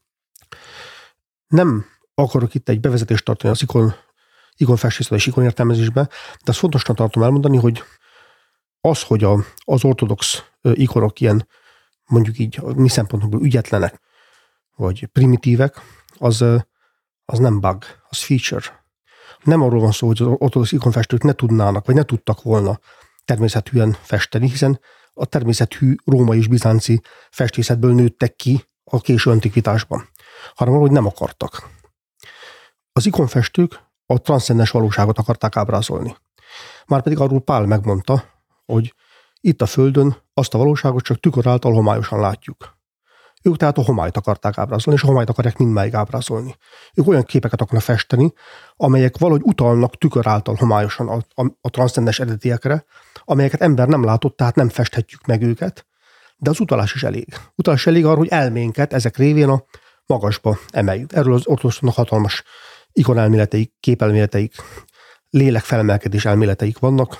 Tehát most egy nagyon hülye párhuzamot mondok, olyan ö, direkt és eldöntött abstrakcióról van szó, mint mondjuk egy modern festőnél is megjelenik egy ilyen készítés, hogy nem akarok valósághű képeket annyira, festeni. Annyira erről van szó, hogy amikor megjelenik az abstrakció Oroszországban, 1910-es években, akkor az első abstrakt nemzedék szándékosan, Larionov, Majakovszki, szándékosan a az ikonokhoz fordulnak, és szándékosan az ikonokat követik, és ikonokat vesznek példaként, ikonokat boncolnak fel, és, és raknak össze, dekonstruálnak és konstruálnak megint a képeiken, ikon nélkül a, az absztrakt orosz festészet nem elképzelhető.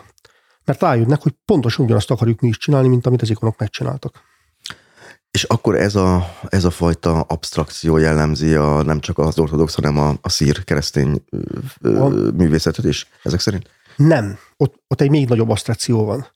A, a monofizita művészetben, főleg az örményeknél, mert a szíreket annyira zavarja az, hogy nem lehet a lényeget ábrázolni, hogy inkább lemondanak az ábrázolásról, és nem nagyon vannak képeik. De az örményeknél azt csinálják, hogy minthogy Krisztus emberi oldalának az ábrázolása a leglényegtelen dolog volna, hiszen az isteni a lényeg, ezért megpróbálják csak az isteni oldalt ábrázolni, ami viszont ábrázolhatatlan. Az egyik megoldás az, hogy Krisztus isteni oldalát, mint a megtestesült igét ábrázolják, tehát a templomaikban belül igével, bibliai idézetekkel, örvényelő bibliai idézetekkel írják tele a falakat, vésik tele a falakat. A másik pedig, hogyha olyan ábrázolásokat készítenek, ahol az ortodoxiában vagy a katolicizmusban ott lenne Krisztus is, tehát például egy kereszt. Azt nem feszületként, tehát a test nélkül, a korpusz nélkül ábrázolják, ott van a kereszt, de nincs rajta Krisztus, hanem a keresztből rengeteg inda jön ki, a kereszt isteni lényegét, a megváltást és az új élet, az életet termő keresztet ábrázolják. Ez az életet termő kereszt, ez a hacskár, ez, a, ez az örvényművészet legfontosabb motivuma, ezt használják a sírkeresztekként, templomi keresztekként. 2015-ben a genocidium század évfordulóján az Esmiadzini örmény pápa, mondjuk így a katolikus, a világ minden örmény templomának küldött egy-egy ilyen hacskárt. Ezek nagy, nyújtott téglalap alakú álló kövek, egy nagy keresztel a közepén, ami tele van indákkal, mert az új élet ebből a keresztből, a megváltás keresztjéből fakadt. Te akkor ezek szerint az iráni keresztények életét és művészetét, a törökországi szír keresztények életét és művészetét, valamint az örményországiakét is dokumentálod. Tehát nem tudom hány fotó Igen. van most fent a te blogodon és Facebook oldaladon, rengeteg kép. Sok tízezer. Amennyire lehet, nagyon gazdag fotóanyaggal igyekszem dokumentálni. Amikor utazom, napról napra teszek föl sok tucat, akár száz képet is, és amikor befejezek egy-egy utat, akkor több posztot is írok ezekről a, blogon, ahol nagy képgyűjteményeket teszek föl egy-egy témához, tehát például a, a szír keresztények között végzett utamhoz, vagy egy-egy fontos szír központról írt eszémhez, akár több száz miért, is. Miért érdekelnek téged ennyire a szír keresztények amúgy? Vagy az örmények? Vagy, vagy ezek a, azért, ezek a keleti mert, keresztények? Azért, mert a kereszténységnek a legtávolabbi, hogy is mondjam, a legtávolabbi unokatestvéreink. Még a mi kultúránk részei, még a mi egyfelől zsidó-keresztény kultúránknak, másfelől a mi görög kultúránknak a szerves hajtásai, amelyek a legmesszebb jutottak el, és a legmesszebb maradtak fent tőlünk. Egy-egy kis, kis Európa, egy-egy kis haza, egy-egy kis otthon, ahol, ahol még mindig testvérként fogadnak, mint keresztényt, még ha nem is tudjuk egymás nyelvét beszélni. És mire vadászol a fényképezőgépeddel? Mi az, ami kifejezetten érdekel? Két dolog, az egyik, mint művészettörténész, a, a, az életük vizuális megnyilatkozásai érdekelnek, képeik, lakásberendezésük, amiből egy csomó, a vizuális jellegből egy csomó információ leolvasható az életükre nézve is, és az arcaik, hogy milyen emberek. És milyen emberek? Sokat szenvedett, jó emberek. Most az örmények nem állnak túl jól. Nem, az örmények sose álltak túl jól. Ez, ez, ez vigasztalja az őket, hogy, hogy ők sose álltak túl jól, úgyhogy, úgyhogy ez a, a mostani helyzet nem különösebben eltérő a, a történelmi helyzetüktől. Ők az elmúlt ezer év folyamán már gyakorlatilag elvesztették a, a hazájukat, Nagy Örményországot, ami Törökországban volt, kiirtották, vagy elüldözték onnan legnagyobb részüket. A nagy hazának az egykori kicsi észak-keleti sarkában, amelyik teljesen véletlenül maradt meg örménynek, csak az oroszok jó voltából kikászakították Irántól, és oda menekült rengeteg Törökországban is, meg Irán, Iránból is. Ebben vannak meg most valamennyire. A szovjet birodalom szétulásakor volt egy lehetőség arra, hogy még egy kicsit visszaszerezzenek az egykori örökségből. Ez volt a ez, hegyi ez volt, ez volt Karabach. Most az is elveszett. Most abban reménykedhetnek, hogy legalább az nem vész, ami még megvan. Mert hogy ott ők egy orosz érdekszférában vannak, tehát Oroszország garantálja ott a a függetlenségüket, de úgy tűnik, hogy az ukrajnai háború óta nem túl fényesen. Hát igen, igen. Most az van, hogy, hogy igen, hát ők Oroszországban bíztak, és nem csak Szovjetunió óta, hanem, hanem hagyományosan is, Nagy Péter óta, és főleg Nagy Katalin óta, aki, aki Oroszországot minden keleti keresztény védnökévé emelte föl, vagy nyilatkoztatta ki, és hát az örményeket berettentően bíztak, és Oroszország tényleg többször meg is segítette az örményeket az oszmán birodalmas szemben. Nem azért, mert annyira szerette volna az örményeket, hanem mert annyira jól jött ez politikailag az oszmánokkal szemben. Tehát az örmények tényleg hagyományosan orosz barátok, erre most valószínűleg valamilyen mértékben ráfáznak. Mert Oroszország most meg így gyengült, meg nem is áll olyan jól a nemzetközi fronton, úgyhogy bármennyire szeretik az örményeket, és esetleg egyes országok, vagy bármennyire vannak nekik lobbistáik, mondjuk Franciaországban vagy Amerikában, ez a nem jó ló, ez, ez, ez árnyékot vet rájuk. Ez nagyon úgy tűnik, hogy elkezdtek Amerika felé kacsingatni, ott Nancy Pelosi Igen. Um, házelnök megjelent, ami szintén egy ilyen változó szeleket mutat, mert korábban azért gondolom nem volt ő annyira, vagy a hasonló vendégek olyan gyakori a Körményországban, amit Oroszország próbált szigorúbban fogni. Valószínűleg arról van szó, hogy Amerika is noha, Amerika elég rövidrátú ennek a politikai ügyeiben, de az Amerika is felismert, itt van egy nis van egy nis, az az örményország, amelyik ugyan, ugyan orosz barát, de nem követné minden áron Oroszországot a szakadékon túra is, meg pláne a jelenlegi örvényvezetés. Passinjan, amelyik egy Európa barát és az oroszokkal ilyen módon is szembeforduló vezetés, ez örül nagyon, hogy ha, nem csak Oroszország emlőjünk el csüggeni. Tehát van, van itt egy ilyen lehetőség, amikor Amerika benyúlhat egy kicsit, és és egy újabb szövetséges találhat magának a Kaukázusban Grúzia mellett. A, és ugye itt legfőképpen arról van szó, hogy kivédi meg őket az azeriektől, akik nagyon elhúztak. Igen, a... az a baj, hogy Azerbajdzsán nagyon erősen nem csak török barát, ami érthető, hanem nagyon erősen Izrael barát is. Tehát az amerikai-izraeli érdekszférában benne van. Megint egy olyan helyzet fog előállni, ha, ha Örményország Amerika mellé áll, hogy hogy a gazda mind a két országgal szövetséges, és, és az egyik ujját kell megharapni a másik védelmében. Menjünk egy kicsit nyugatabbra, mert itt teszünk egy ilyen nagy kört ebben az óriási konfliktus zónában, ami, ami a szemünk elé tárul, hogy mindenhol, amiről eddig beszéltünk, gyakorlatilag for a, a levegő. Ugye hát az Erdogan Törökországában és az infláció és a gazdasági nehézségek Igen. azért, azért nem egy nyugodt országképét mutatják. Teheránból is küldtél olyan tudósítást, mi szerint óriási infláció van, tehát igen, hogy igen. a bankjegy hegyeket kell beszerezni ahhoz, hogy... Nem, nem a bankjegy, bankjegy már nem is létezik. Vagy létezik, de nagyon nehéz bankjegyhez hozzájutni, mert teljesen átálltak a kártya alapú fizetésre. Hát egy csésze kávé 300 ezer riál, az azt jelenti, hogy... 300 ezer? 300 ezer riál, az azt jelenti, hogy egy, egy ilyen két centi vastag bankóköteg és akkor, akkor még csak egy kávét itt el, és még sütemi nem ettél mellé. Ah, de ez hogy kell elképzelni, hogy pár évvel ezelőtt mennyi volt egy kávé? Tizede. Pár évvel ezelőtt nem volt kávé, de az egy másik dolog. A kávé egy teljesen új jelenség Iránban. Három évvel ezelőtt még nem ismerték a kávét. Ez nagyon érdekes, mert hogy török kávé, azt hittem, hogy ott is van ilyesmi, de ezek szerint ez egy abszolút teakultúra. Az egy abszolút teakultúra. A, a kávé az egy török termék, és mint hogy Irán hagyományosan ellensége volt a törököknek. Mert hogy a törökök is szuniták. Igen, ezért az ellenség termékei nem kerültek át hozzájuk. Két ilyen fontos termék van, a, a, a kávé, meg a nátszugor, amelyik oszmán termék volt. És ezért az iráni konyhában hagyományosan a kávé nem szerepel, és a cukor sem nagyon. A cukor már jóval korábban átjött, mint a kávé, tehát már a, a 20. században már, már van cukruk, de kávét nem ismertek. Ugyanígy van a kaukázusban is, az örmények, akik nek nagy átjárásuk volt Törökországba, ők hagyományosan kávéívó és cukorevő, édességevő népet gondoljuk a marlenkára. A grúzok, akik iráni érdekszférában voltak, és azért hagyományosan ellenségei voltak a törököknek, se a kávét nem ismerték a Szovjetunióig, se a cukrot, máig nincsen édességük. Nem esznek egyáltalán semmiféle édességet, deszertet.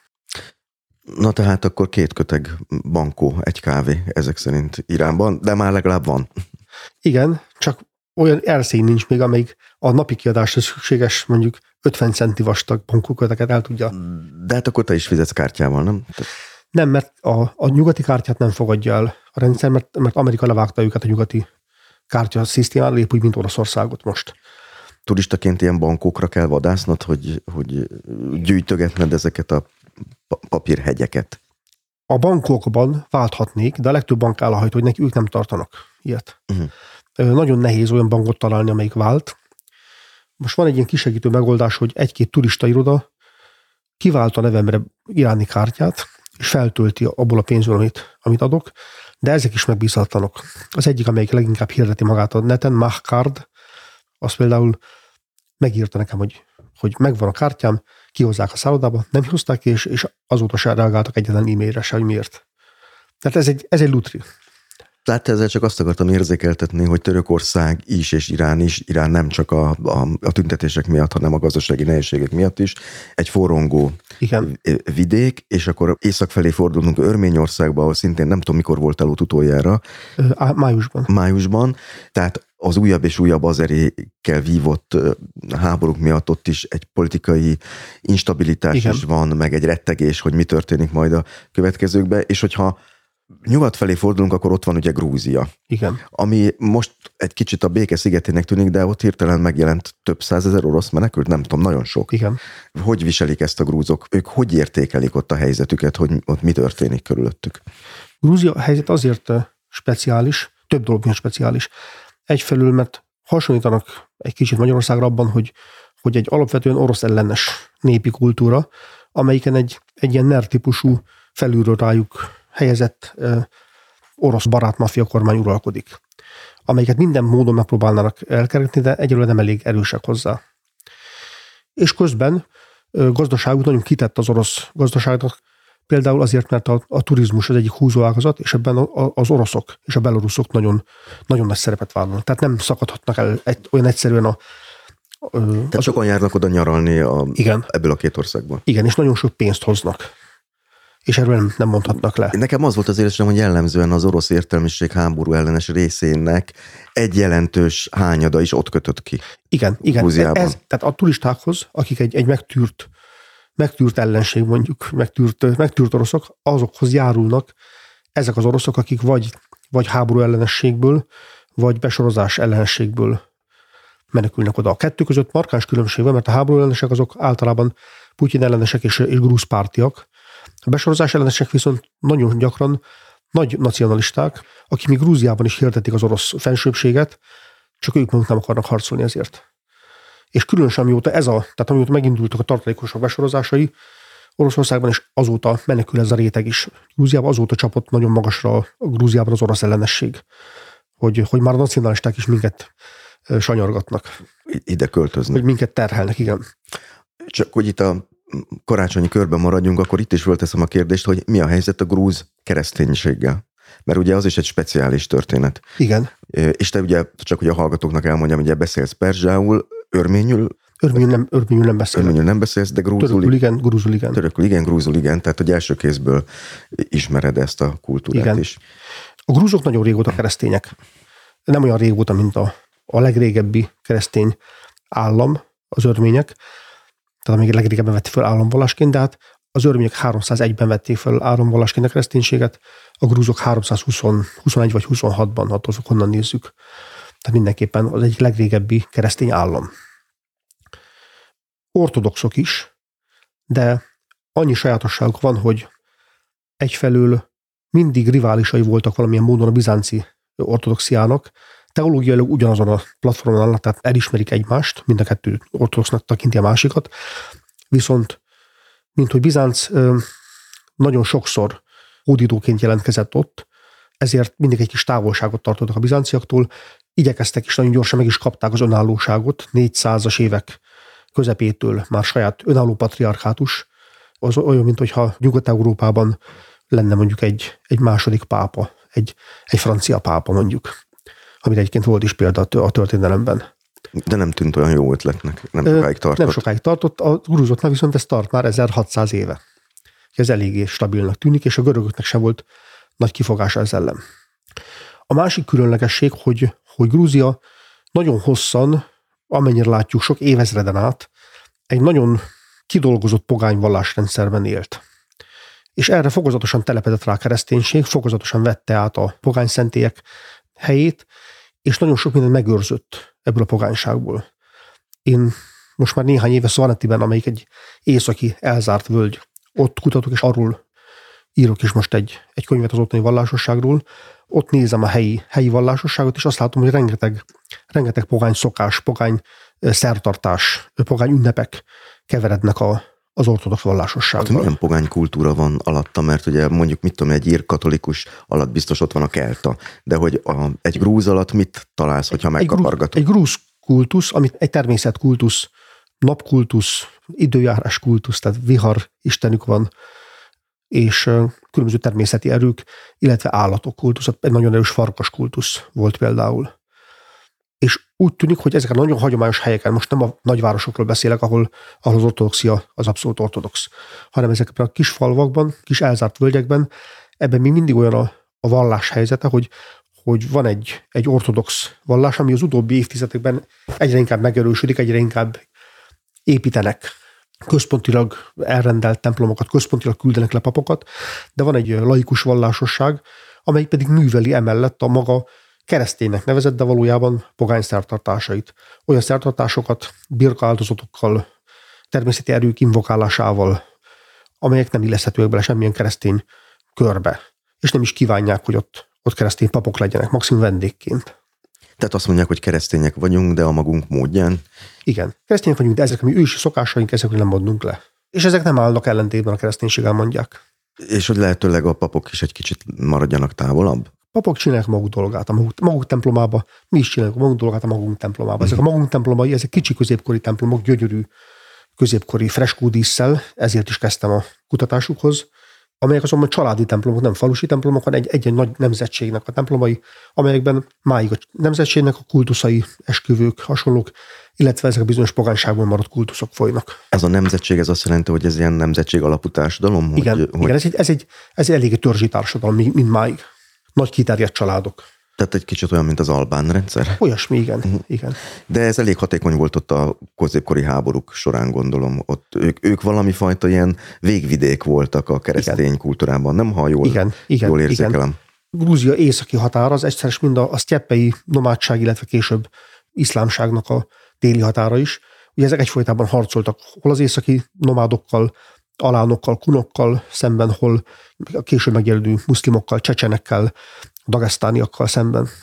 És az írásuk, ez a, ez a nagyon cirkalmas, önálló írásjegyek, ezek honnan jöttek egyébként Grúziába? Ezek alapvetően a most olyat mondok, ami, ami miatt nem mehetek többet Grúziába. Hoppá. Ezek az örményből jöttek. Ezt egy grúz soha nem ismerné el.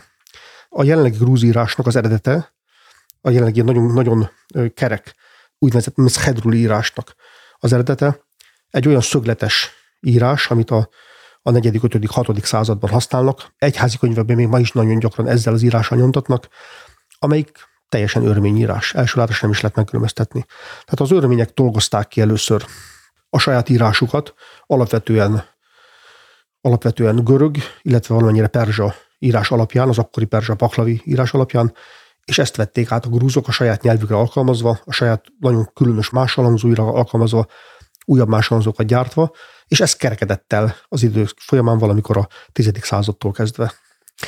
Akkor még rákérdezek itt a grúzoknál is, hogy teljes legyen a képekre, az ő kultúrájuk is speciálisan áll a képekhez, vagy az ortodoxikkal azonos alapvetően, ikonkultúrájuk van? Alapvetően ortodox ikonkultúrájuk van, de a, képeik első látásra megkülönböztethetők az oroszoktól, is, vagy a görögöktől, és erre nagyon büszkék is.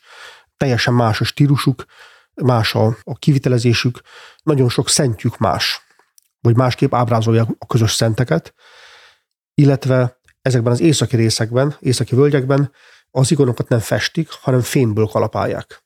Grúziának egy fontos szerepe volt a környező vidéken, hogy, hogy ők a legfontosabb helyi fémforrásot a Kaukázusban, vasat, rezet, nemes fémeket, ezüstöt, aranyat tömegével bányásznak, onnan folyik le a, a környező országokba is, és fönt, ahol ahol a fém volt a legfontosabb, ott fémből csinálták az ikonokat. Ez egy külön osztálya az ikonoknak, általában az ortodox ikonoknak a fémikonok, és ebben Grúzia nagy.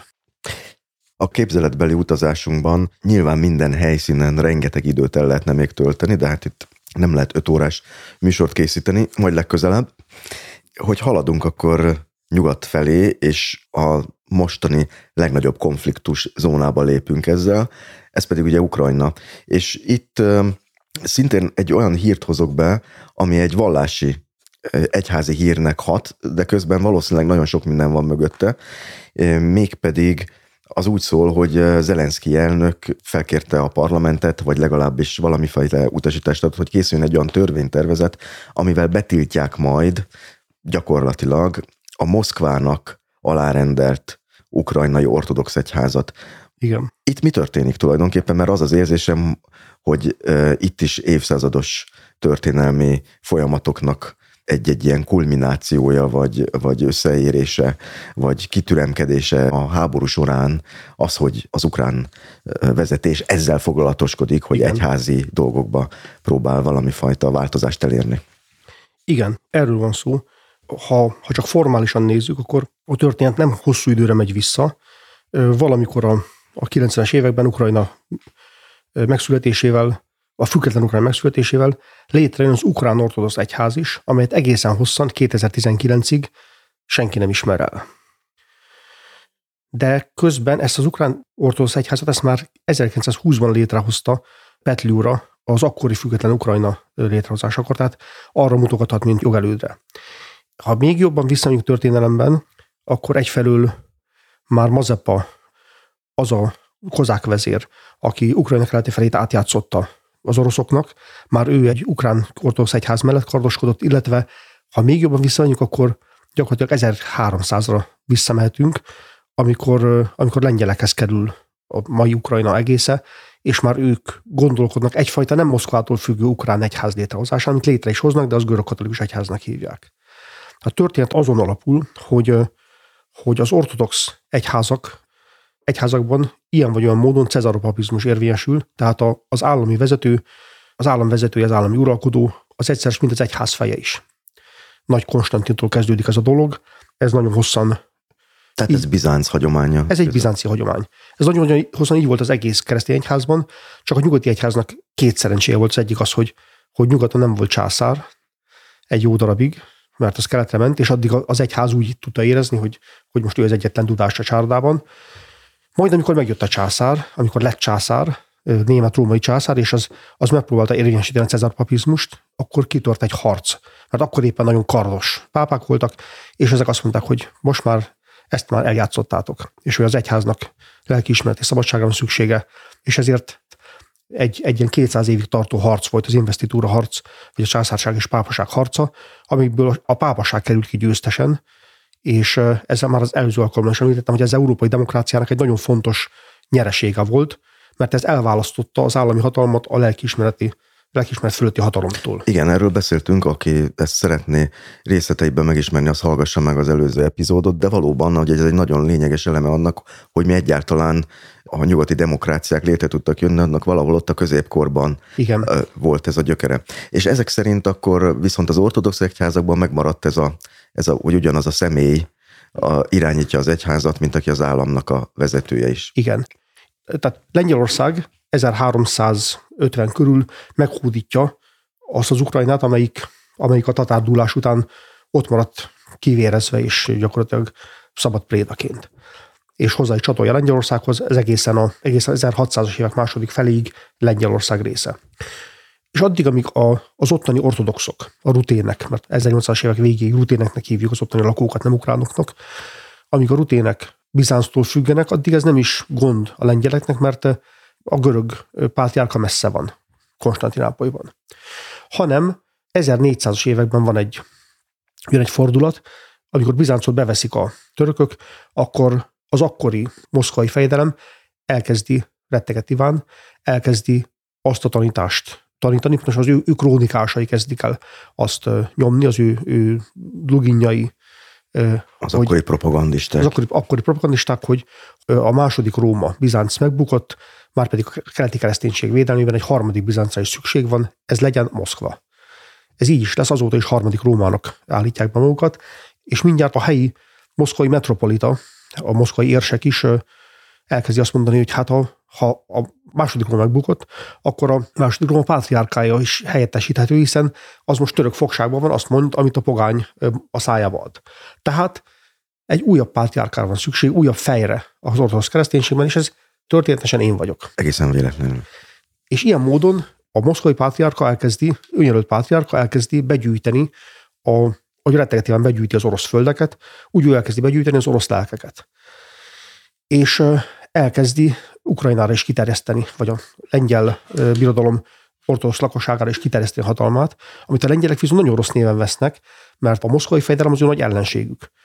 Ha most a moszkvai fejedelem mondja meg az orosz pátriárkán keresztül, hogy az ő ortodoxaik mit csináljanak, akkor kaptak egy ötödik hatoszlopot a hátukban. Mert hogy ez a cezaropapizmus az azt jelenti, hogy az orosz fejedelem az gyakorlatilag kézi irányítással bele tud nyúlni a, a, a, Úgy, az egyház dolgaiba. Ahogy ezt most tökéletesen látjuk az orosz háború vezetésében is, ahol Kirill Pátriárka megállja az orosz fegyvereket, és ahol Putyin megmondja Kirill Pátriárkának, hogy mit, miképpen manipulálja az ortodox lakosságot. Pont ugyanez a helyzet volt az 1400-as, 1500-as évek Lengyelországában is, és akkor kezdték el lengyelek arra kapacitálni a helyi ortodox lakosságot, hogy, hogy fogadják el az eddigi pátriárka helyett, a görög pátriárka helyett nem az orosz pátriárkát, hanem a római pátriárkát, azaz a pápát. Minden egyebet megtarthatnak, teológiájukat, szokásaikat, szertartásaikat, mindent, ami szent egy ortodoxnak, csak ha már úgy is megbukott a görög pátriárka, akkor ne az orosz választák, hanem a latint. Ebben benne is mennek, 1596-ban a Breszti Unióban aláírják ezt, és ezért kapnak egy csomó kiváltságot, tehát a, a papjaikat innentől kezdve adómentes, nemes embernek tekintik, nem úgy, mint addig.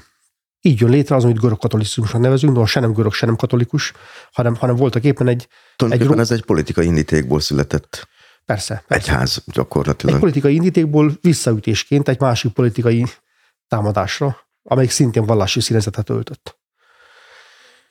Ilyen módon létrejön egy ukrán egyház, de ez nem egy ukrán ortodox egyház, mert a többi ortodox egyház már nem ismeri el. Csak azt akarom mondani, hogy a mechanizmus nagyon olyan, és nagyon hasonló okból történt a dolog, mint ami okból a mostani ukrán ortodox egyház létrejötte.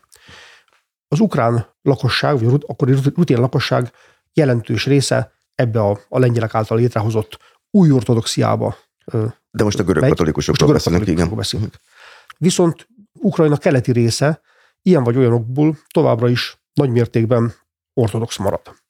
Illetve amikor az oroszok elfoglalják, akkor, akkor a görög katolikus vallást megszüntetik, és visszatérítik az ottaniakat ortodoxnak. Tehát a mai, mai Ukrajna vallási megoszlása olyan, hogy nyugaton a túlnyomó rész görög katolikus, keleten pedig, pedig a túlnyomó rész ortodox. Ezek az ortodoxok, ezek hagyományosan a moszkvai pátriárka alá tartoznak. Ezt már az orosz elfoglalás után intézték így. Mármint az, most az 1600-as évekről igen, beszélünk, nem a mostani elfoglalásról. Nem, nem, nem, 1700-as évek elejétől. Tehát amikor Kelet-Ukrajna, az ortodox részek, a rutin, rutin síkság keleti része orosz hatalom alá kerül. A 90-es években ehhez nagyon hasonló helyzet áll elő. Ukrajna független, a nyugati részével rendben vagyunk, mert ez egy ukrán nyelvű és ukrán barát görög-katolikus egyház, az egy nemzeti egyház voltak éppen, noha Rómától függ. De a keleti részén ott vannak az ortodoxok, akiket továbbra is a, az orosz ortodox pártjárka kézi vezényel. Ráadásul Kirillről ugye azt tudjuk, hogy KGB-s is egyben, Igen. tehát hogy... De mindegy is, mert bármilyen pártjárka lenne az orosz ortodox egyház élen, annak kötelessége volna figyelembe venni a, az orosz állam világi fejének a kívánságait amennyiben az ortodox. Márpedig Putyin azt a, ezt a pozíciót foglalja el. És ezért egy ugyanolyan elszakadást akar a független Ukrajna az orosz ortodoxiától, mint amilyet az, a lengyel királyság akart 400 évvel korábban, szintén az orosz ortodoxiától. Ebből a célból létrehozzák az ukrán ortodox egyházat, amelyiknek a feje a kievi pátriárka. Ezt jó 20 éven át, jó, majdnem 30 éven át senki sem ismeri el, mi kell ahhoz, hogy elismerjenek egy patriarkát? Két másik patriarka elismerése. Az egyik lehetőleg a konstantinápolyi legyen. De az orosz patriarkának elég nagy a súlya ahhoz, hogy, hogy bármelyik másik nemzeti patriárka féljen a, a, az elismeréstől. Hány ortodox patriárka van? Ahány, ahány ortodox ország. Az orosz ortodoxia kezdi ezt a sort, de már a grúz patriárka is egy, egy előkép, egy precedens, és aztán a Balkán felszabadulásával szinte kötelezővé válik, hogy minden újonnan felszabadult, minden újonnan létrejött ortodox államban saját pátriárka legyen. Tehát van szerb pátriárka, amelyik történetesen Koszovóban székel, Ipeken, van román pátriárka, van ciprusi pátriárka. És ezek ilyen egyenrangú pátriárkák? Tehát nincs, egy, nincs egy ilyen csúcs pátriárka, aki mindenkinek alá lenne Ö, rendelve? A konstantinapai pátriárka az primus inter pares, az egy első az egyenlők között, a, a konstantinapai egyház korelsőbsége miatt. De nincsen nincsen egyházjogi fennhatósága többi fölött, ezeket hívjuk autokefál, önfejű független egyházaknak. Tehát a lényeg az, hogy kettőnek el kell ismernie, és akkor ez ma, mára már megtörtént az ukrán patriárkával is? Végül is megtörtént, 2019. január 30-án lett független, akkor ismerték el Konstantinápolyban egy, egy nagy ortodox gyűlésen, nem, nem is csak a Konstantinápoly, és még valaki, hanem talán több pártiárka is, amikor sikerült függetleníteni magukat a, az orosz nyomás alól azóta független a, az ukrán ortodox egyház, és nem csak azóta, hanem már korábban a 90-es évek óta harcolnak az egyes plébániákért. Egy csomó helyen nagyon erős az orosz ortodox pátriárk befolyása, ott nehezen adják fel a pozícióikat, máshol könnyebben. Jelen pillanatban az ukrán ortodoxia 78%-a az ukrán ortodox egyházhoz tartozik, és a keleti határszélen van a, a másik 22%, akik, akik nagyon erősen kitartanak a, az orosz ortodoxia mellett. Tehát nem az ortodox vallást akarja betiltani az ukrán kormányzat, hanem az, hogyha te ortodox ritus, vagy ez a, a vallás szerint szeretnél élni, akkor, akkor tartoz az ukrán ortodox egyház felhatóság alá. Azt, azt akarják, azt akarják, hogy Ukrajna, Ukrajna területén minden ortodox az ukrán ortodox pátriárkától függjön, ne legyen függőség az orosz ortodox pátriárkától, mert aki az orosz ortodox pátriárkától függ, az egyéb disznóságra is képes. Például a hazaárulás, amire egy csomó példa most is volt. Igen, most lehet Ö... olvasni a híreket, hogy az ukrán belbiztonság letartóztatott ilyen a Moszkva alá rendelt ortodox papokat, akik például ilyen tüzérségi megfigyelést végeztek Igen, az orosz hadseregnek. Kémkedtek, vagy a, az orosz megszállók pozitív fogadására biztatták a híveiket, vagy, vagy az ukránok elleni harcra. Ebből is látszik, hogy ez tényleg egy, egy világhatalomtól függő egyházi rendszer. Ez nagyon érdekes, hogy ez még a 21. században ekkora súlya van ezeknek az egyházi vallási kérdéseknek. Ez a társadalom ott Oroszországban, meg Kelet-Ukrajnában, ez annyira a vallás mondjuk, ez annyira vallásos még, hogy a, amit a pap mond, az, az szent. Vagy de akár a román vidéken is, a román falvakban is. Ezt talán több hallgató ismeri. A pópa csak aranyat mondhat. Én Viszont össze vagyok egy kicsit zavarodva, mert ugye, ha egy kicsit ellépünk a vallástól, van itt egy másik nagy kérdés, és a nyelv kérdése.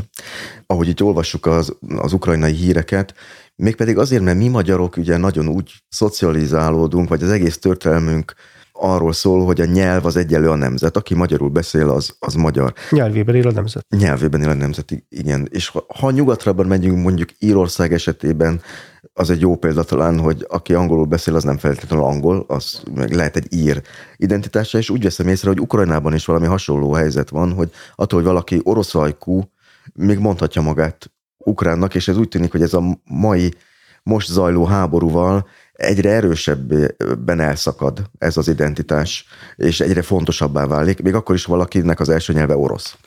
Igen, az ukrán identitás kérdése egy nagyon bonyolult és nagyon későn kidolgozott történet. Igazából arról van szó, hogy, hogy van három olyan központ, három olyan szláv központ, ahol nagyon régen, már a középkorban kidolgozódott valami fajta helyi országos identitása, a cseh, a lengyel és az orosz. Ezek elég korán, tehát mondjuk a tizen, még a legkésőbbi is, a 16. századtól már egy, egy nagyon pontosan körülírt minden, minden attribútummal ellátott identitást képvisel ország, nyelv, vallás, terület, de a háromszög belseje az egy fortyogó vulkán maradt, amely csak nagyon lassan hűl ki, és nagyon lassan ad ki kis identitásokat. És az, hogy ez a vulkán mivé forja ki magát, és hogyan, hogyan állnak össze kis identitások az egyes darabjai, az az idő kérdése volt, és ezt előre nem lehetett megmondani. Mi ennek a kikristályosodásnak egy olyan történetét ismerjük, ahol a szlovákok lassan identitássá válnak. A 16. században, 17. században én mondjuk Rómában a az ottani jezsuita matrikulákat olvasva azt látom, hogy egy csomó olyan van beírva, hogy nemzetisége. Ez, ez, ez, ez egy egyházi összeírást jelent? Nem, hanem olyan diákok, akik a Rómában megtanulni jezsuitákhoz. Be van írva nemzetisége. Hungarus, nyelve, szklavus. Tehát ezek, ezek felvidéki szlovákok, tótok. Tehát akik szlovák nyelvűnek, de magyar nemzetiségűnek mondták magukat. Igen, tehát identitásokat tekintve ők magyarok voltak. És a hungarus identitás az egész középkori Magyarországot jellemzi. Aki Magyarországon él, az magyar és az, hogy mi a nyelve, az egy teljesen másodlagos dolog. Csak valamikor a 19. században ilyen vagy olyan okból kezdenek az egyes identitások kialakulni, és azt mondani, hogy én nem magyar vagyok, állampolgárságom, ha lehet ilyet mondani, akkor az magyar, de én voltak éppen szívem mélyén, én már, hogy is mondják ezt az új nemzetiséget? Szlovák. Szlovák vagyok. Ez mindenütt egy hosszú folyamat. Szlovákiában mondjuk az egyik első fontos lépése a 1800-as évek eleje, amikor a nagyszombati katolikus értelmiség kezd el egy, egyfajta szlovák tudatot kialakítani, nagyon erősen cseh tudathoz kötődően. Következő fontos lépés, amikor a század közepén Közép-Szlovákiában, Besztercebánya környékén Ludovic Tur kezd egy, egy ettől független és sokkal világibb szlovák tudatot kialakítani, amelyik végül is győz, és ez lesz a, a szlovákság ideológiának az alapja, és szlovák nyelv is ekkor kodifikálódik egy csomó északi tájszólásból, és megmondják, hogy nagyjából a cseh határtól, nagyjából a eperjesig, ahol elkezdenek már cirilbetűkkel írni, elkezdik cirilbetűkkel írni azt a nyelvet, amit nagyon hasonlít a miénkre, de aki beszéli az ortodox és, és cirilül ír, a kettő között az mind szlovák. És ezzel nem is mindenki ért egyet, mert például a bártfai szlovákok mindmáig azt mondják, hogy az ő nyelvük az bártfai.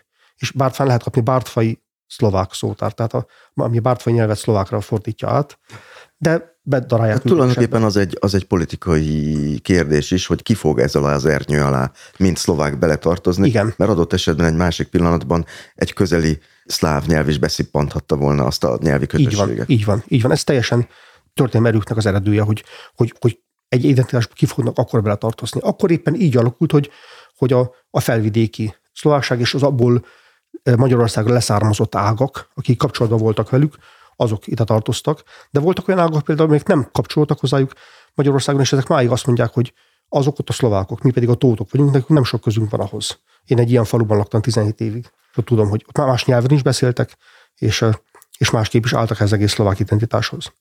Tehát így dolgozódik ki, vagy így, így kristályosodik ki ez a, ez a fortyogó, csak falvak identitásában létező szlávság, és ennek egy utolsó, vagy valószínűleg egy utolsó fejezetét látjuk most, 1800-as évek végétől máig megtörténni, ahol megint rengeteg ilyen véletlenszerű történelmi erőnek az eredőjéből adódik, hogy létrejön egy, egy ukránság.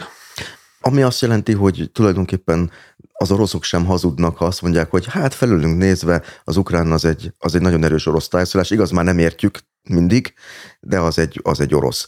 És az ukránok felől nézve pedig azt mondják, hogy hát egy, ló, hát, egy, túró, egy túrót, ez már egy külön nyelv. Itt ez az állítás, ez két dolog sántít, egyfelől a nyelv az önmagában nem identitás meghatározó. Másik, hogy azt mondják, hogy az ukrán egy, egy orosz tájszólás, akkor mondják azt is, hogy a cseh is egy orosz tájszólás, csak eléggé messze van. De hát, ha úgy tekerjük, tudod, ismered ezt a viccet, hogy a, ha a mama szóhoz szóból egy betűt elveszünk, és hármat kicserélünk, akkor sört kapunk. Valami ilyesmi. Értem. Val- valami ilyesmi működhet. Tehát a lényeg az, hogy az ukrán azért elég távol van az orosztól, így, hogy külön... Az ukrán elég távol van, egyfelől, másfelől Ukrajnában nem is mindenki beszél ukránul, sőt, hagyományosan nem is mindenki beszél ukránul, mert az ukrán egy, Ukrajna egy régiójának a nyelve volt. Az ukrán nyelv úgy kodifikálódott, úgy vált hivatalossá, úgy, és úgy alakult ki, hogy amikor a Habsburgok 1700-as évek végén megkapják Lengyelország hármas felosztásakor Galíciát, tehát azt a részt, amelyik egy ütköző állam német Lengyelország és orosz Lengyelország között, akkor az ottani sok nemzetiségtől elbűl, hogy vannak itt lengyelek, vannak itt rutének, vannak itt zsidók, mindenféle van itt. Elhatározzák, hogy a felvilágosult uralkodók második József második Lipót, elhatározzák, hogy egy kis modell birodalmat fognak itt létrehozni, egy olyan kis, kis hazúr tartományt, amik megmutatja, hogy ennyiféle nemzetség milyen békésen és háborítatlanul tud együtt élni az osztrák császár jogar alatt. Kvázi egy bemutatás Magyarországnak, hogy látjátok, ha nem lázonganátok, akkor egész, egész Habsburg birodalom ilyen, ilyen szépen tudna élni.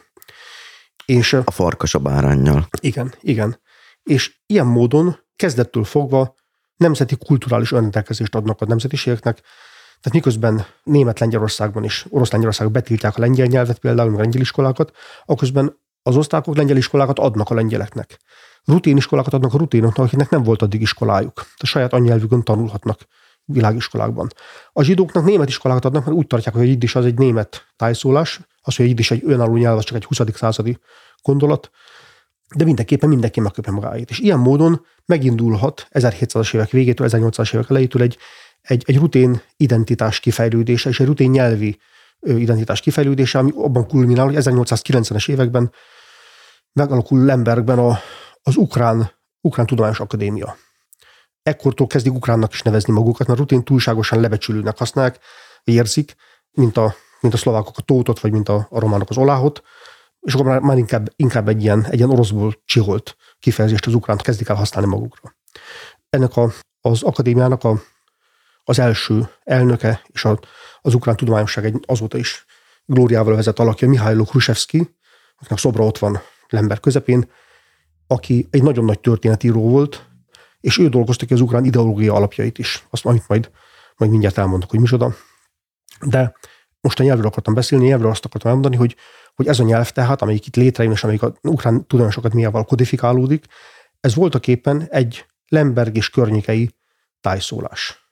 Egy olyan tájszólás, amit már 300 kilométerrel keletebbre nem értenek, vagy csak nagyon töredékesen. Másfele meg másfajta tájszólások vannak, egészen keleten minden tájszólást betiltanak, és oroszul kell beszélni. Az már orosz felhatóság alatt Igen. van a keleti részekkor. Igen, a Dnyepertől keletre, orosz felhatóság alatt van, az, az eloroszosodik.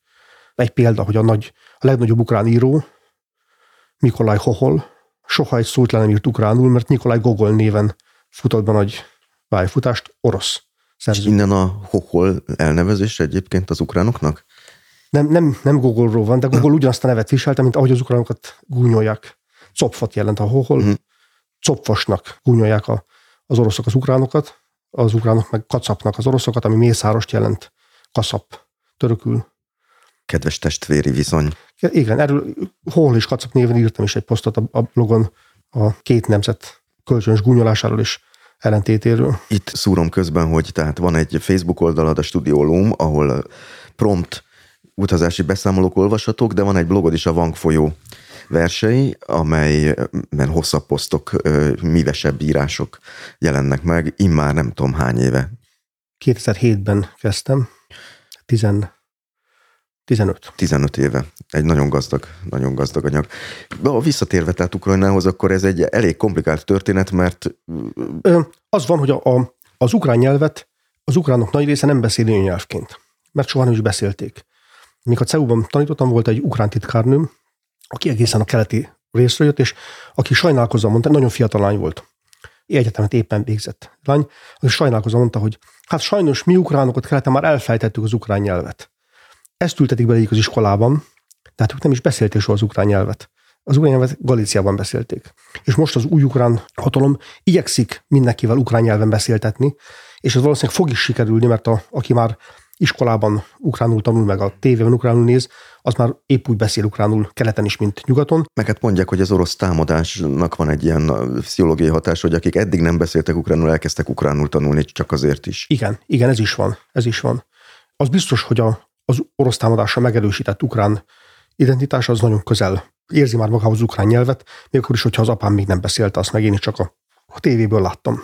Ugyanakkor, csak hogy a helyzetet bonyolítsuk, egy orosz ajkú ember is mondhatja magát ukrán identitásnak ezek szerint, mert hogy a kettő nem feltétlenül fedi egymást. Ha megnézzük, hogy a, most csak a 1990-es évekbeli magyar népszámlálásból emlékszem rá, hogy, hogy Magyarországon körülbelül ezeren tartották magukat hunnak. Azt ítálták be hivatalosan, hogy ők hunok.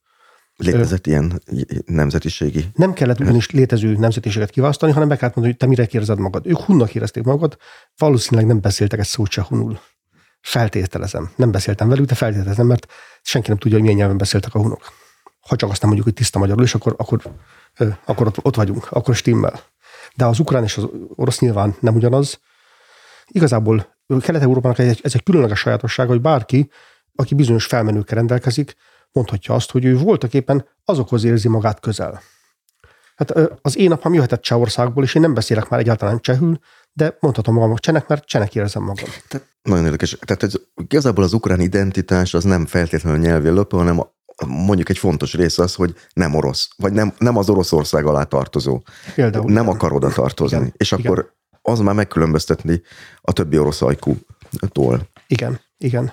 És én mondjuk Kelet-Ukrajnában oroszul beszélek, én hogy tekintek a moszkvai oroszokra? Lenézik őket. Lenézik őket. Lenézik őket primitív, agymosott figuráknak tartják őket, akik még oroszul se beszélnek jól. A, kelet, Te- Tehát én ukrán vagyok, oroszul beszélek, és én beszélek jól oroszul, Ezt nem mondják. az, aki Moszkvában. abszolút ezt mondják, ezt mondják. A, a kelet-ukrajnai or- orosz értelmiség, vagy a kelet-ukrajnai orosz anyanyelvű ukrán értelmiség határozottan látja, hogy ők tisztább irodalmi boroszt beszélnek, mint, a, mint az oroszok nagy része, beleértve Moszkvát is. Talán, még, talán Péterváron nem, de, de hogy Moszkvában egy primitíve orosz beszélnek, az egészen biztos. De érdekes. Épp most lakott nálam éppen egy két hétig két Mikolái vitát odassza melletti menekült egy filmrendező, meg egy meg barátja, és ők gyönyörűen beszéltek oroszul, mi oroszul beszéltünk egymásra, gyönyörűen beszéltek oroszul, és határozottan ezt állították, hogy amilyen szépen ott beszélnek oroszul, olyan szépen nem beszélnek sehol Oroszországban. Nagyon érdekes. De visszatérve a 1890-re, hogy akkor mi lett ennek az ukrán identitásnak a, a, az ideológiája? Mert mondtad azt, hogy megalkotta ez a akadémikus Az, hogy az orosz történelem szemlélet az az, hogy kezdetben vala a kievi rusz. Tehát kezdetben az egész osztatlan keleti szláv tengernek egy központja volt Kiev. És amikor jöttek a tatárok és 1235-ben szétverték Kievet, akkor az onnan szétfröccsenő me- menekülő szlávság nagy része felfelé menekült, Észak-Oroszországba, és ott létrehozott néhány kisvárost, amelyek későbbi fővárosként szolgáltak, Rostovot, Jaroszlávot, Vladimirt és vég, végül Moszkvát. És Moszkva lett az a város, amelyik amelyiknek a fejedelme Dmitri Donszki megverte a tatárokat, és ő és az utódai elkezdték az orosz földek úgymond begyűjtését. Egy olyan ország létrehozását, amelyik az évszázad során Moszkóviából lassan Oroszországá változik. És ilyen módon Oroszország jogot formál Kievre és a környékére is, mondva, hogy mi valamikor az is a milyen volt. Mi onnan jöttünk, de hát az, az Egy vérből tartozik. valók vagyunk. Egy vérből valók vagyunk, és, és az hozzánk tartozik, és az, annak vissza kell jönni Oroszországhoz. Khrushchevsky mondta azt, hogy ezt az oroszok így szeretnék. De hogy ennek van egy másik nézete is. Az ugyanis, hogy amikor szétverték Kievet, akkor a szlávok nem csak északra fröccsentek, hanem nyugatra és délre is. Ezek a, ezek a rutin fejedelemségek. Volhínia, Halics és a többiek, ezek képviselik igazából Kiev örökségét, mert hogy a föntiek azok nagyon kevesen voltak. A föntiekben nagyon kevés igazi rusz ment el, igazi kievi, és a föntiek népesség az alapvetően finnugor ami egyébként történetek így is van. Az a kis fejedelmi réteg, amelyik elmenekült délről, és fölment, és ottani addig kereskedővárosokban, kicsi orosz kereskedő réteggel rendelkező kis városokban letelepedett, azoknak a népe alapvetően finnugor, ottani finnugorokból állt össze. Tehát az orosz birodalom az egy finnugor népességgel indult alapvetően? Igen, ilyen igen, igen. Ezt a földrajzi helydevek egyértelműen bizonyítják. Moszkvának a a régi helynevei, folyónevei, az összes északi folyónév, domborzati nevek mind, mind finnugorok. Ott, ott még az 1300-as években finnugor többség, túlnyomó finnugor többség volt. És a, az ukránok azt mondják, hogy már hogy lennénk egy vérből, amikor ti finnugor vérből vagytok valójában, csak, csak vittétek a nyelvet innen, meg a gazdáitokat. Finnugorok vagytok, az államszervezetetek pedig tatár. Mert, Tehát ez, ebben van egy kis lenézés megint csak. Ö, annyi lenézést, mint amennyit az oroszokban az ukránok, és az ukránokban az oroszok felé lehet tapasztalni, hogy sehol máshol. Ebből mi, mi is tanulhatnánk. Tehát ők azt mondják, hogy az igazi kulturális és nyelvi és vérbeli genetikai identitást ruszból a rutének vitték tovább, akik orosznak nevezik magukat később. Azok voltak éppen a mi nyelvünk egy változatát beszélő finnugor vérű tatárok, és ilyen az egész kultúrájuk is ilyen, és ennyi közük is van az egész ruszhoz. Tehát mi vagyunk az igazi örökösök, és így is kell viselkednünk.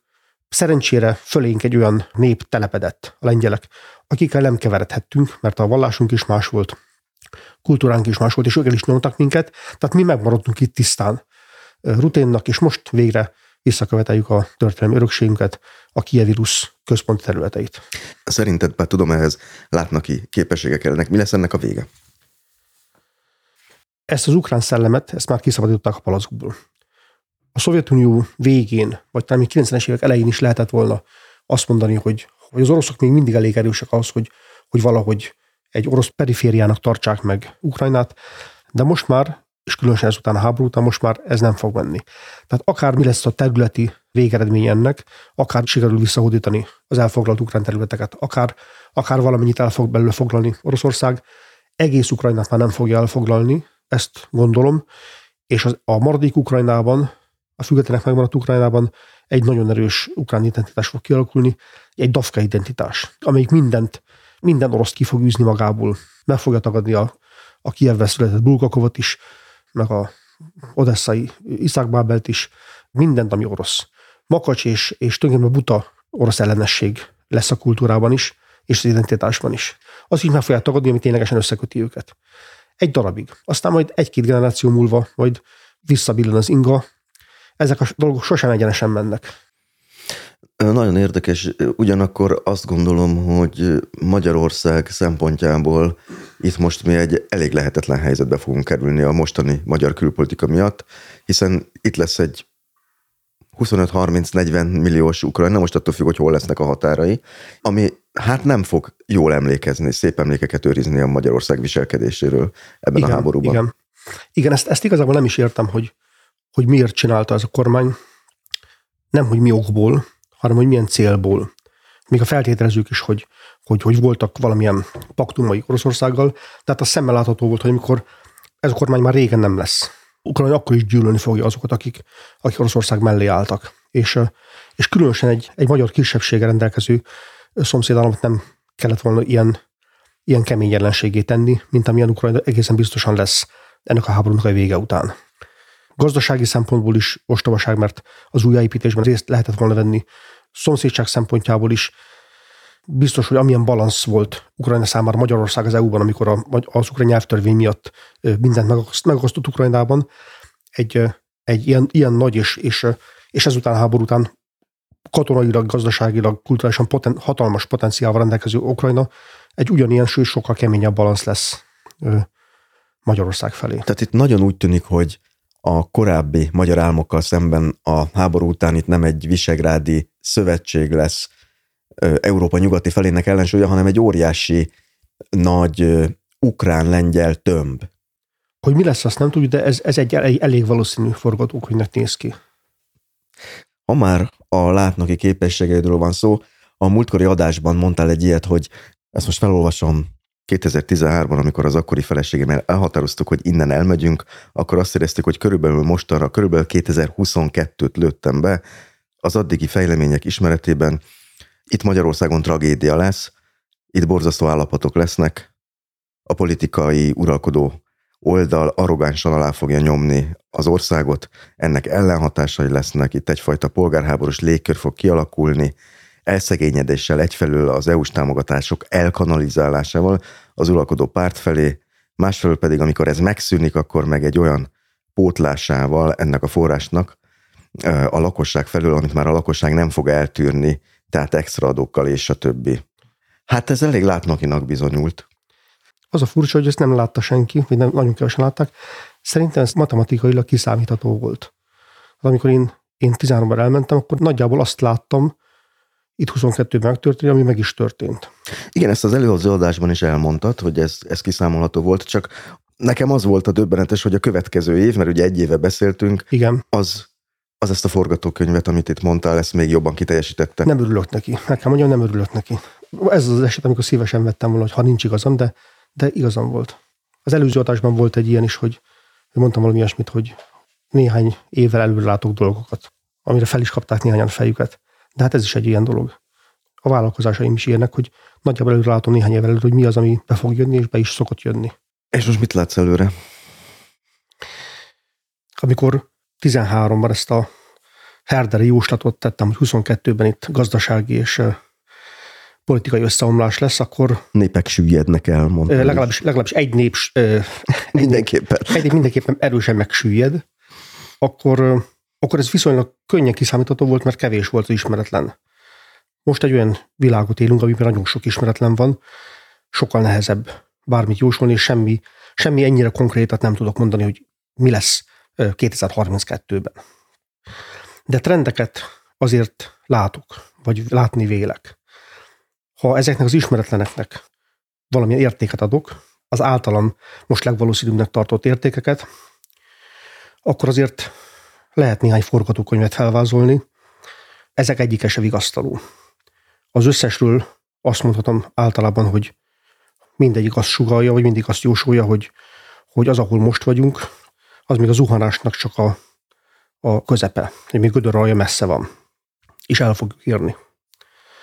A kormány, amióta ők kormányoznak, alapvetően nem fektetett be a magyar gazdaságba, tehát két, két bevételi forrásra tett, az egyik a, az összeszerelő futószalagok a német autóiparnak, a másik pedig az európai támogatás. Most mind a kettő komoly veszélyben van. A német autóipar maga is recsegropog, Németországban is, valószínű, hogy, hogy először a perifériákat fogják feláldozni, tehát Magyarországnak ez a bevételi forrása, ez nagyon kétséges. Ami az európai pénzeket illeti, azt mindenki látta, hogy mi volt az elmúlt hónapokban a magyarországi támogatások megítélésével, és azt gondolom, hogy noha így évvége felé megadtak valamennyit, de ez a dolog, ez, ez romlani fog a jövőben, mert minden magyar propaganda ellenére nem a csúnya Brüsszel az, aki megadja ezeket a az összegeket, hanem az egyes tagállamok. És a tagállamokon nagyon nagy nyomás nehezedik odahaza, hogy, hogy Magyarországot egy kicsit fingassák meg. Most már. És ezt, ezt valamilyen mértékben meg fogják tenni. Innentől kezdve a, az EU-s pénzek elnyerése nem lesz egy olyan sétagalop, mint, mint eddig volt, már pedig gyakorlatilag ez az egyetlen komoly bevételi forrása ennek a rezsimnek, és ennek a rezsimnek életfontosságú, hogy legyen egy ilyen bevételi forrás, amivel a klienseket el tudja látni mert a klienseken nyugszik a, a rezsim puszta léte is. jelen pillanatban Magyarország a második legszegényebb EU-s ország Bulgária után. Igen, a, most láttam én is ezeket a statisztikákat, megdöbbentő. Mi a fizetőképességet illeti. Azt nem hiszem, hogy egy hamar elérjük Bulgáriát, de, de azért ez a rekord se mindennapi, erre is büszkék lehetünk, és azt gondolom, hogy ez fokozódni fog. Ami a politikai közhangulatot illeti, Magyarország már párja lett a EU és a, a szövetségesek szemében, főleg a, az oroszok rejtett, vagy nem is annyira rejtett támogatása, illetve az ukrán honvédelem gáncsolni akarása miatt. Az eddigi nagyon kevés szövetségesünk, aki volt Európában, az minden állt mellőlünk, kezdve Lengyelországgal, a visegrádi államokkal, és nem is nagyon úgy néz ki, hogy, hogy visszaállnának. Ha ezt az ismeretlent paraméterezni próbálom, akkor a legvalószínűbb paraméter az, hogy Ukrajna valamilyen mértékben győzni fog, és egy nagyon erős szomszédunk lesz, aki nagyon haragudni fog ránk, viszont nagyon jóban lesz eddig legjobb szövetségesünkkel Lengyelországgal, tehát itt elszigetelődünk, és ez a párjaság, amiben most bejátszottunk magunkat, ha megnézi az ember a, a nemzetközi internetet, hogy milyen hangok hallatszanak Magyarországról magánemberek tömegétől is, akkor az látszik, hogy, hogy leginkább az EU-n kívül kívánnak minket, meg a nato kívül. És ez nincs kizárva. Sajnos ez a gyakorlatban sincs kizárva. Ennek már a kormány is adta egy csomó kezdőjelét, hogy, hogy ez, ez nekik se volna ellenére, valószínűleg egyre inkább a, az EU-nak se volna ellenére. Nem azt mondom, hogy ez meg fog történni, de ez is benne van a pakliban sajnos. Ami ezt a, a gazdasági összeállást és a, és a politikai partvonalon kívülre helyezést kompenzálni fogja a kormány részéről, az, az ellenségképzés. Ez volt eddig is a stratégiájuk, amivel a külső nyomást ellentételezni próbálták, tehát el fogják adni önmagukat, mint a létező kormányok legjobbikát annak a hazai közönségnek, amelyik erre fogékony, illetve ellenségeket fognak képezni kívül és belül, ahogy eddig is csinálták, azért, hogy, hogy lehessen kire kenni a kudarcot. És hát a külső ellenségeknek nem, nem nagyon fog ez fájni, de a belső ellenségeknek, azaz a mindenkinek, aki a kormány ellen van ilyen vagy olyan mértékben, neked is, nekem is, ez eléggé fájni fog. Bár tudnék logikus ellenérveket felsorakoztatni itt most a te helyzetértékelésed és a jóslatot kapcsán, de sajnos így hirtelen nem megy. Úgyhogy egy kicsit visszatérnék inkább az utazásokra. Te egyébként korábban vezettél Oroszországba és Ukrajnába is túrákat, Igen. de most egy darabig gondolom nem fogsz. Hát egy darabig most nem. Még azt mondom, hogy Ukrajnába hamarabb fogok, mint Oroszországba, mert ha úgy végződik ez a háború, ahogy most kinéz, tehát hogy ha majd egyszer vége lesz, akkor Ukrajna független lesz, akkor Oroszországra jön egy nagy vajudás, egy olyan, olyan állapot, amiben nem biztos, hogy szerencsés lesz utazni. Tehát egy politikai káosz. Egyfajta káosz, úgyhogy egy független és stabil Ukrajnában viszont már szívesen vezetek megint. Gyönyörű helyek vannak, ahol rengeteget vezettem. Lembergbe az egyik kedvenc városom, a galiciai stétl világban, a, a kis zsidó helyeken, ahol még, még legalábbis a háború előtt még éltek is kis zsidó közösségek. Nem tudom, hogy ezek megmaradtak-e, vagy elmenekültek Odesszába, az odesszai Iszák Bábel által megénekelt zsivány világba. Egy csomó túrán volt, ami most mind szünetel. Mert hogy itt elmondom azoknak a hallgatóknak, akik esetleg nem hallották a veled készült korábbi epizódot, hogy nem csak öncélúan, úgymond idézőjelbe utazgatsz, meg nem csak a könyvírás és a fotó gyűjtemény alapítása érdekében, hanem szervezelés értő közönségnek vezetett túrákat. Igen. Hány helyen vezetsz most ilyen mesélős utazást, mert ugye közben te magyarázol Igen. ezeket a elveszettnek és elsüllyednek hit képzelt kultúrákat. Elég nagy spektrumban vezetek, nem minden helyre, minden évben, hanem ahogy látom, hogy igény van rá, ahogy már összegyűlik egy csoport, évente mondjuk egy 20-25 túrát csinálok, Skóciától, Franciaországon, Dél-Európán, Spanyolországban, Oroszországban nagyon sokat vezetek, Balkánon át, Törökországig, Iránban nagyon sokat, és azon túl még, még Kínában is. Kínának a, az elfelejtett, elveszett nyugati, Himalája alatti hagyományos tartományaiba. A titkos paradicsomba, amit Shangri-lának hívnak. Oda is. um, utazási tervek a jövőre nézve? Persze, terveim új felfedezésekre, új, új kis területek feltárására és bemutatására egyfolytában vannak. Nagyon remélem például, hogy, hogy Iránban normalizálódik a helyzet. Ez sokkal valószínűnek tűnik, mint az, hogy Magyarországon normalizálódik a helyzet, és hogy, hogy Iránban el tudunk jutni olyan helyekre, Zagroszba, törzsekhez, déli vidékekre, Perzsölből szigeteire, amit még nem ismerek, és amit, amit aztán fölkínálhatok, hogy lehet velem jönni oda. Kínában, ahol szintén remélem, hogy normalizálódik a helyzet, legalább a turizmus helyzet, legalább a beutazás helyzete, ott is vannak terveim már nagyon régóta, hogy folytatom a, a vadnyugatnak, a Himalája alatti kis etnikai közösségeknek a, a feltárását, a régi városkáknak a bejárását egészen tibeti határig, és utána ezt is, ezt is bemutatnám. És hát ha, ha már itt az egész karácsonyi beszélgetés egy fontos szálon a, a keleti keresztények mentén zajlott, nagyon szeretnék végiglátogatni még, még olyan keleti keresztény csoportokat, töredékeket, akik kitartanak a szülőföldjükön, szeretnék eljutni az iraki keresztényekhez, iraki Kurdisztánban, még a, az anatóliai szír közösségekhez, eljutni a még titokban tovább élő anatóliai örmény közösségekhez, az iráni asszírokhoz, és hát ha esetleg Etiópiában normalizálódik a helyzet, akkor még, még az észak-etiópiai tigrei kolostorokhoz, mert az az a vidék, amelyiket még Etiópiában nem jártam be keresztény kolostorok közül.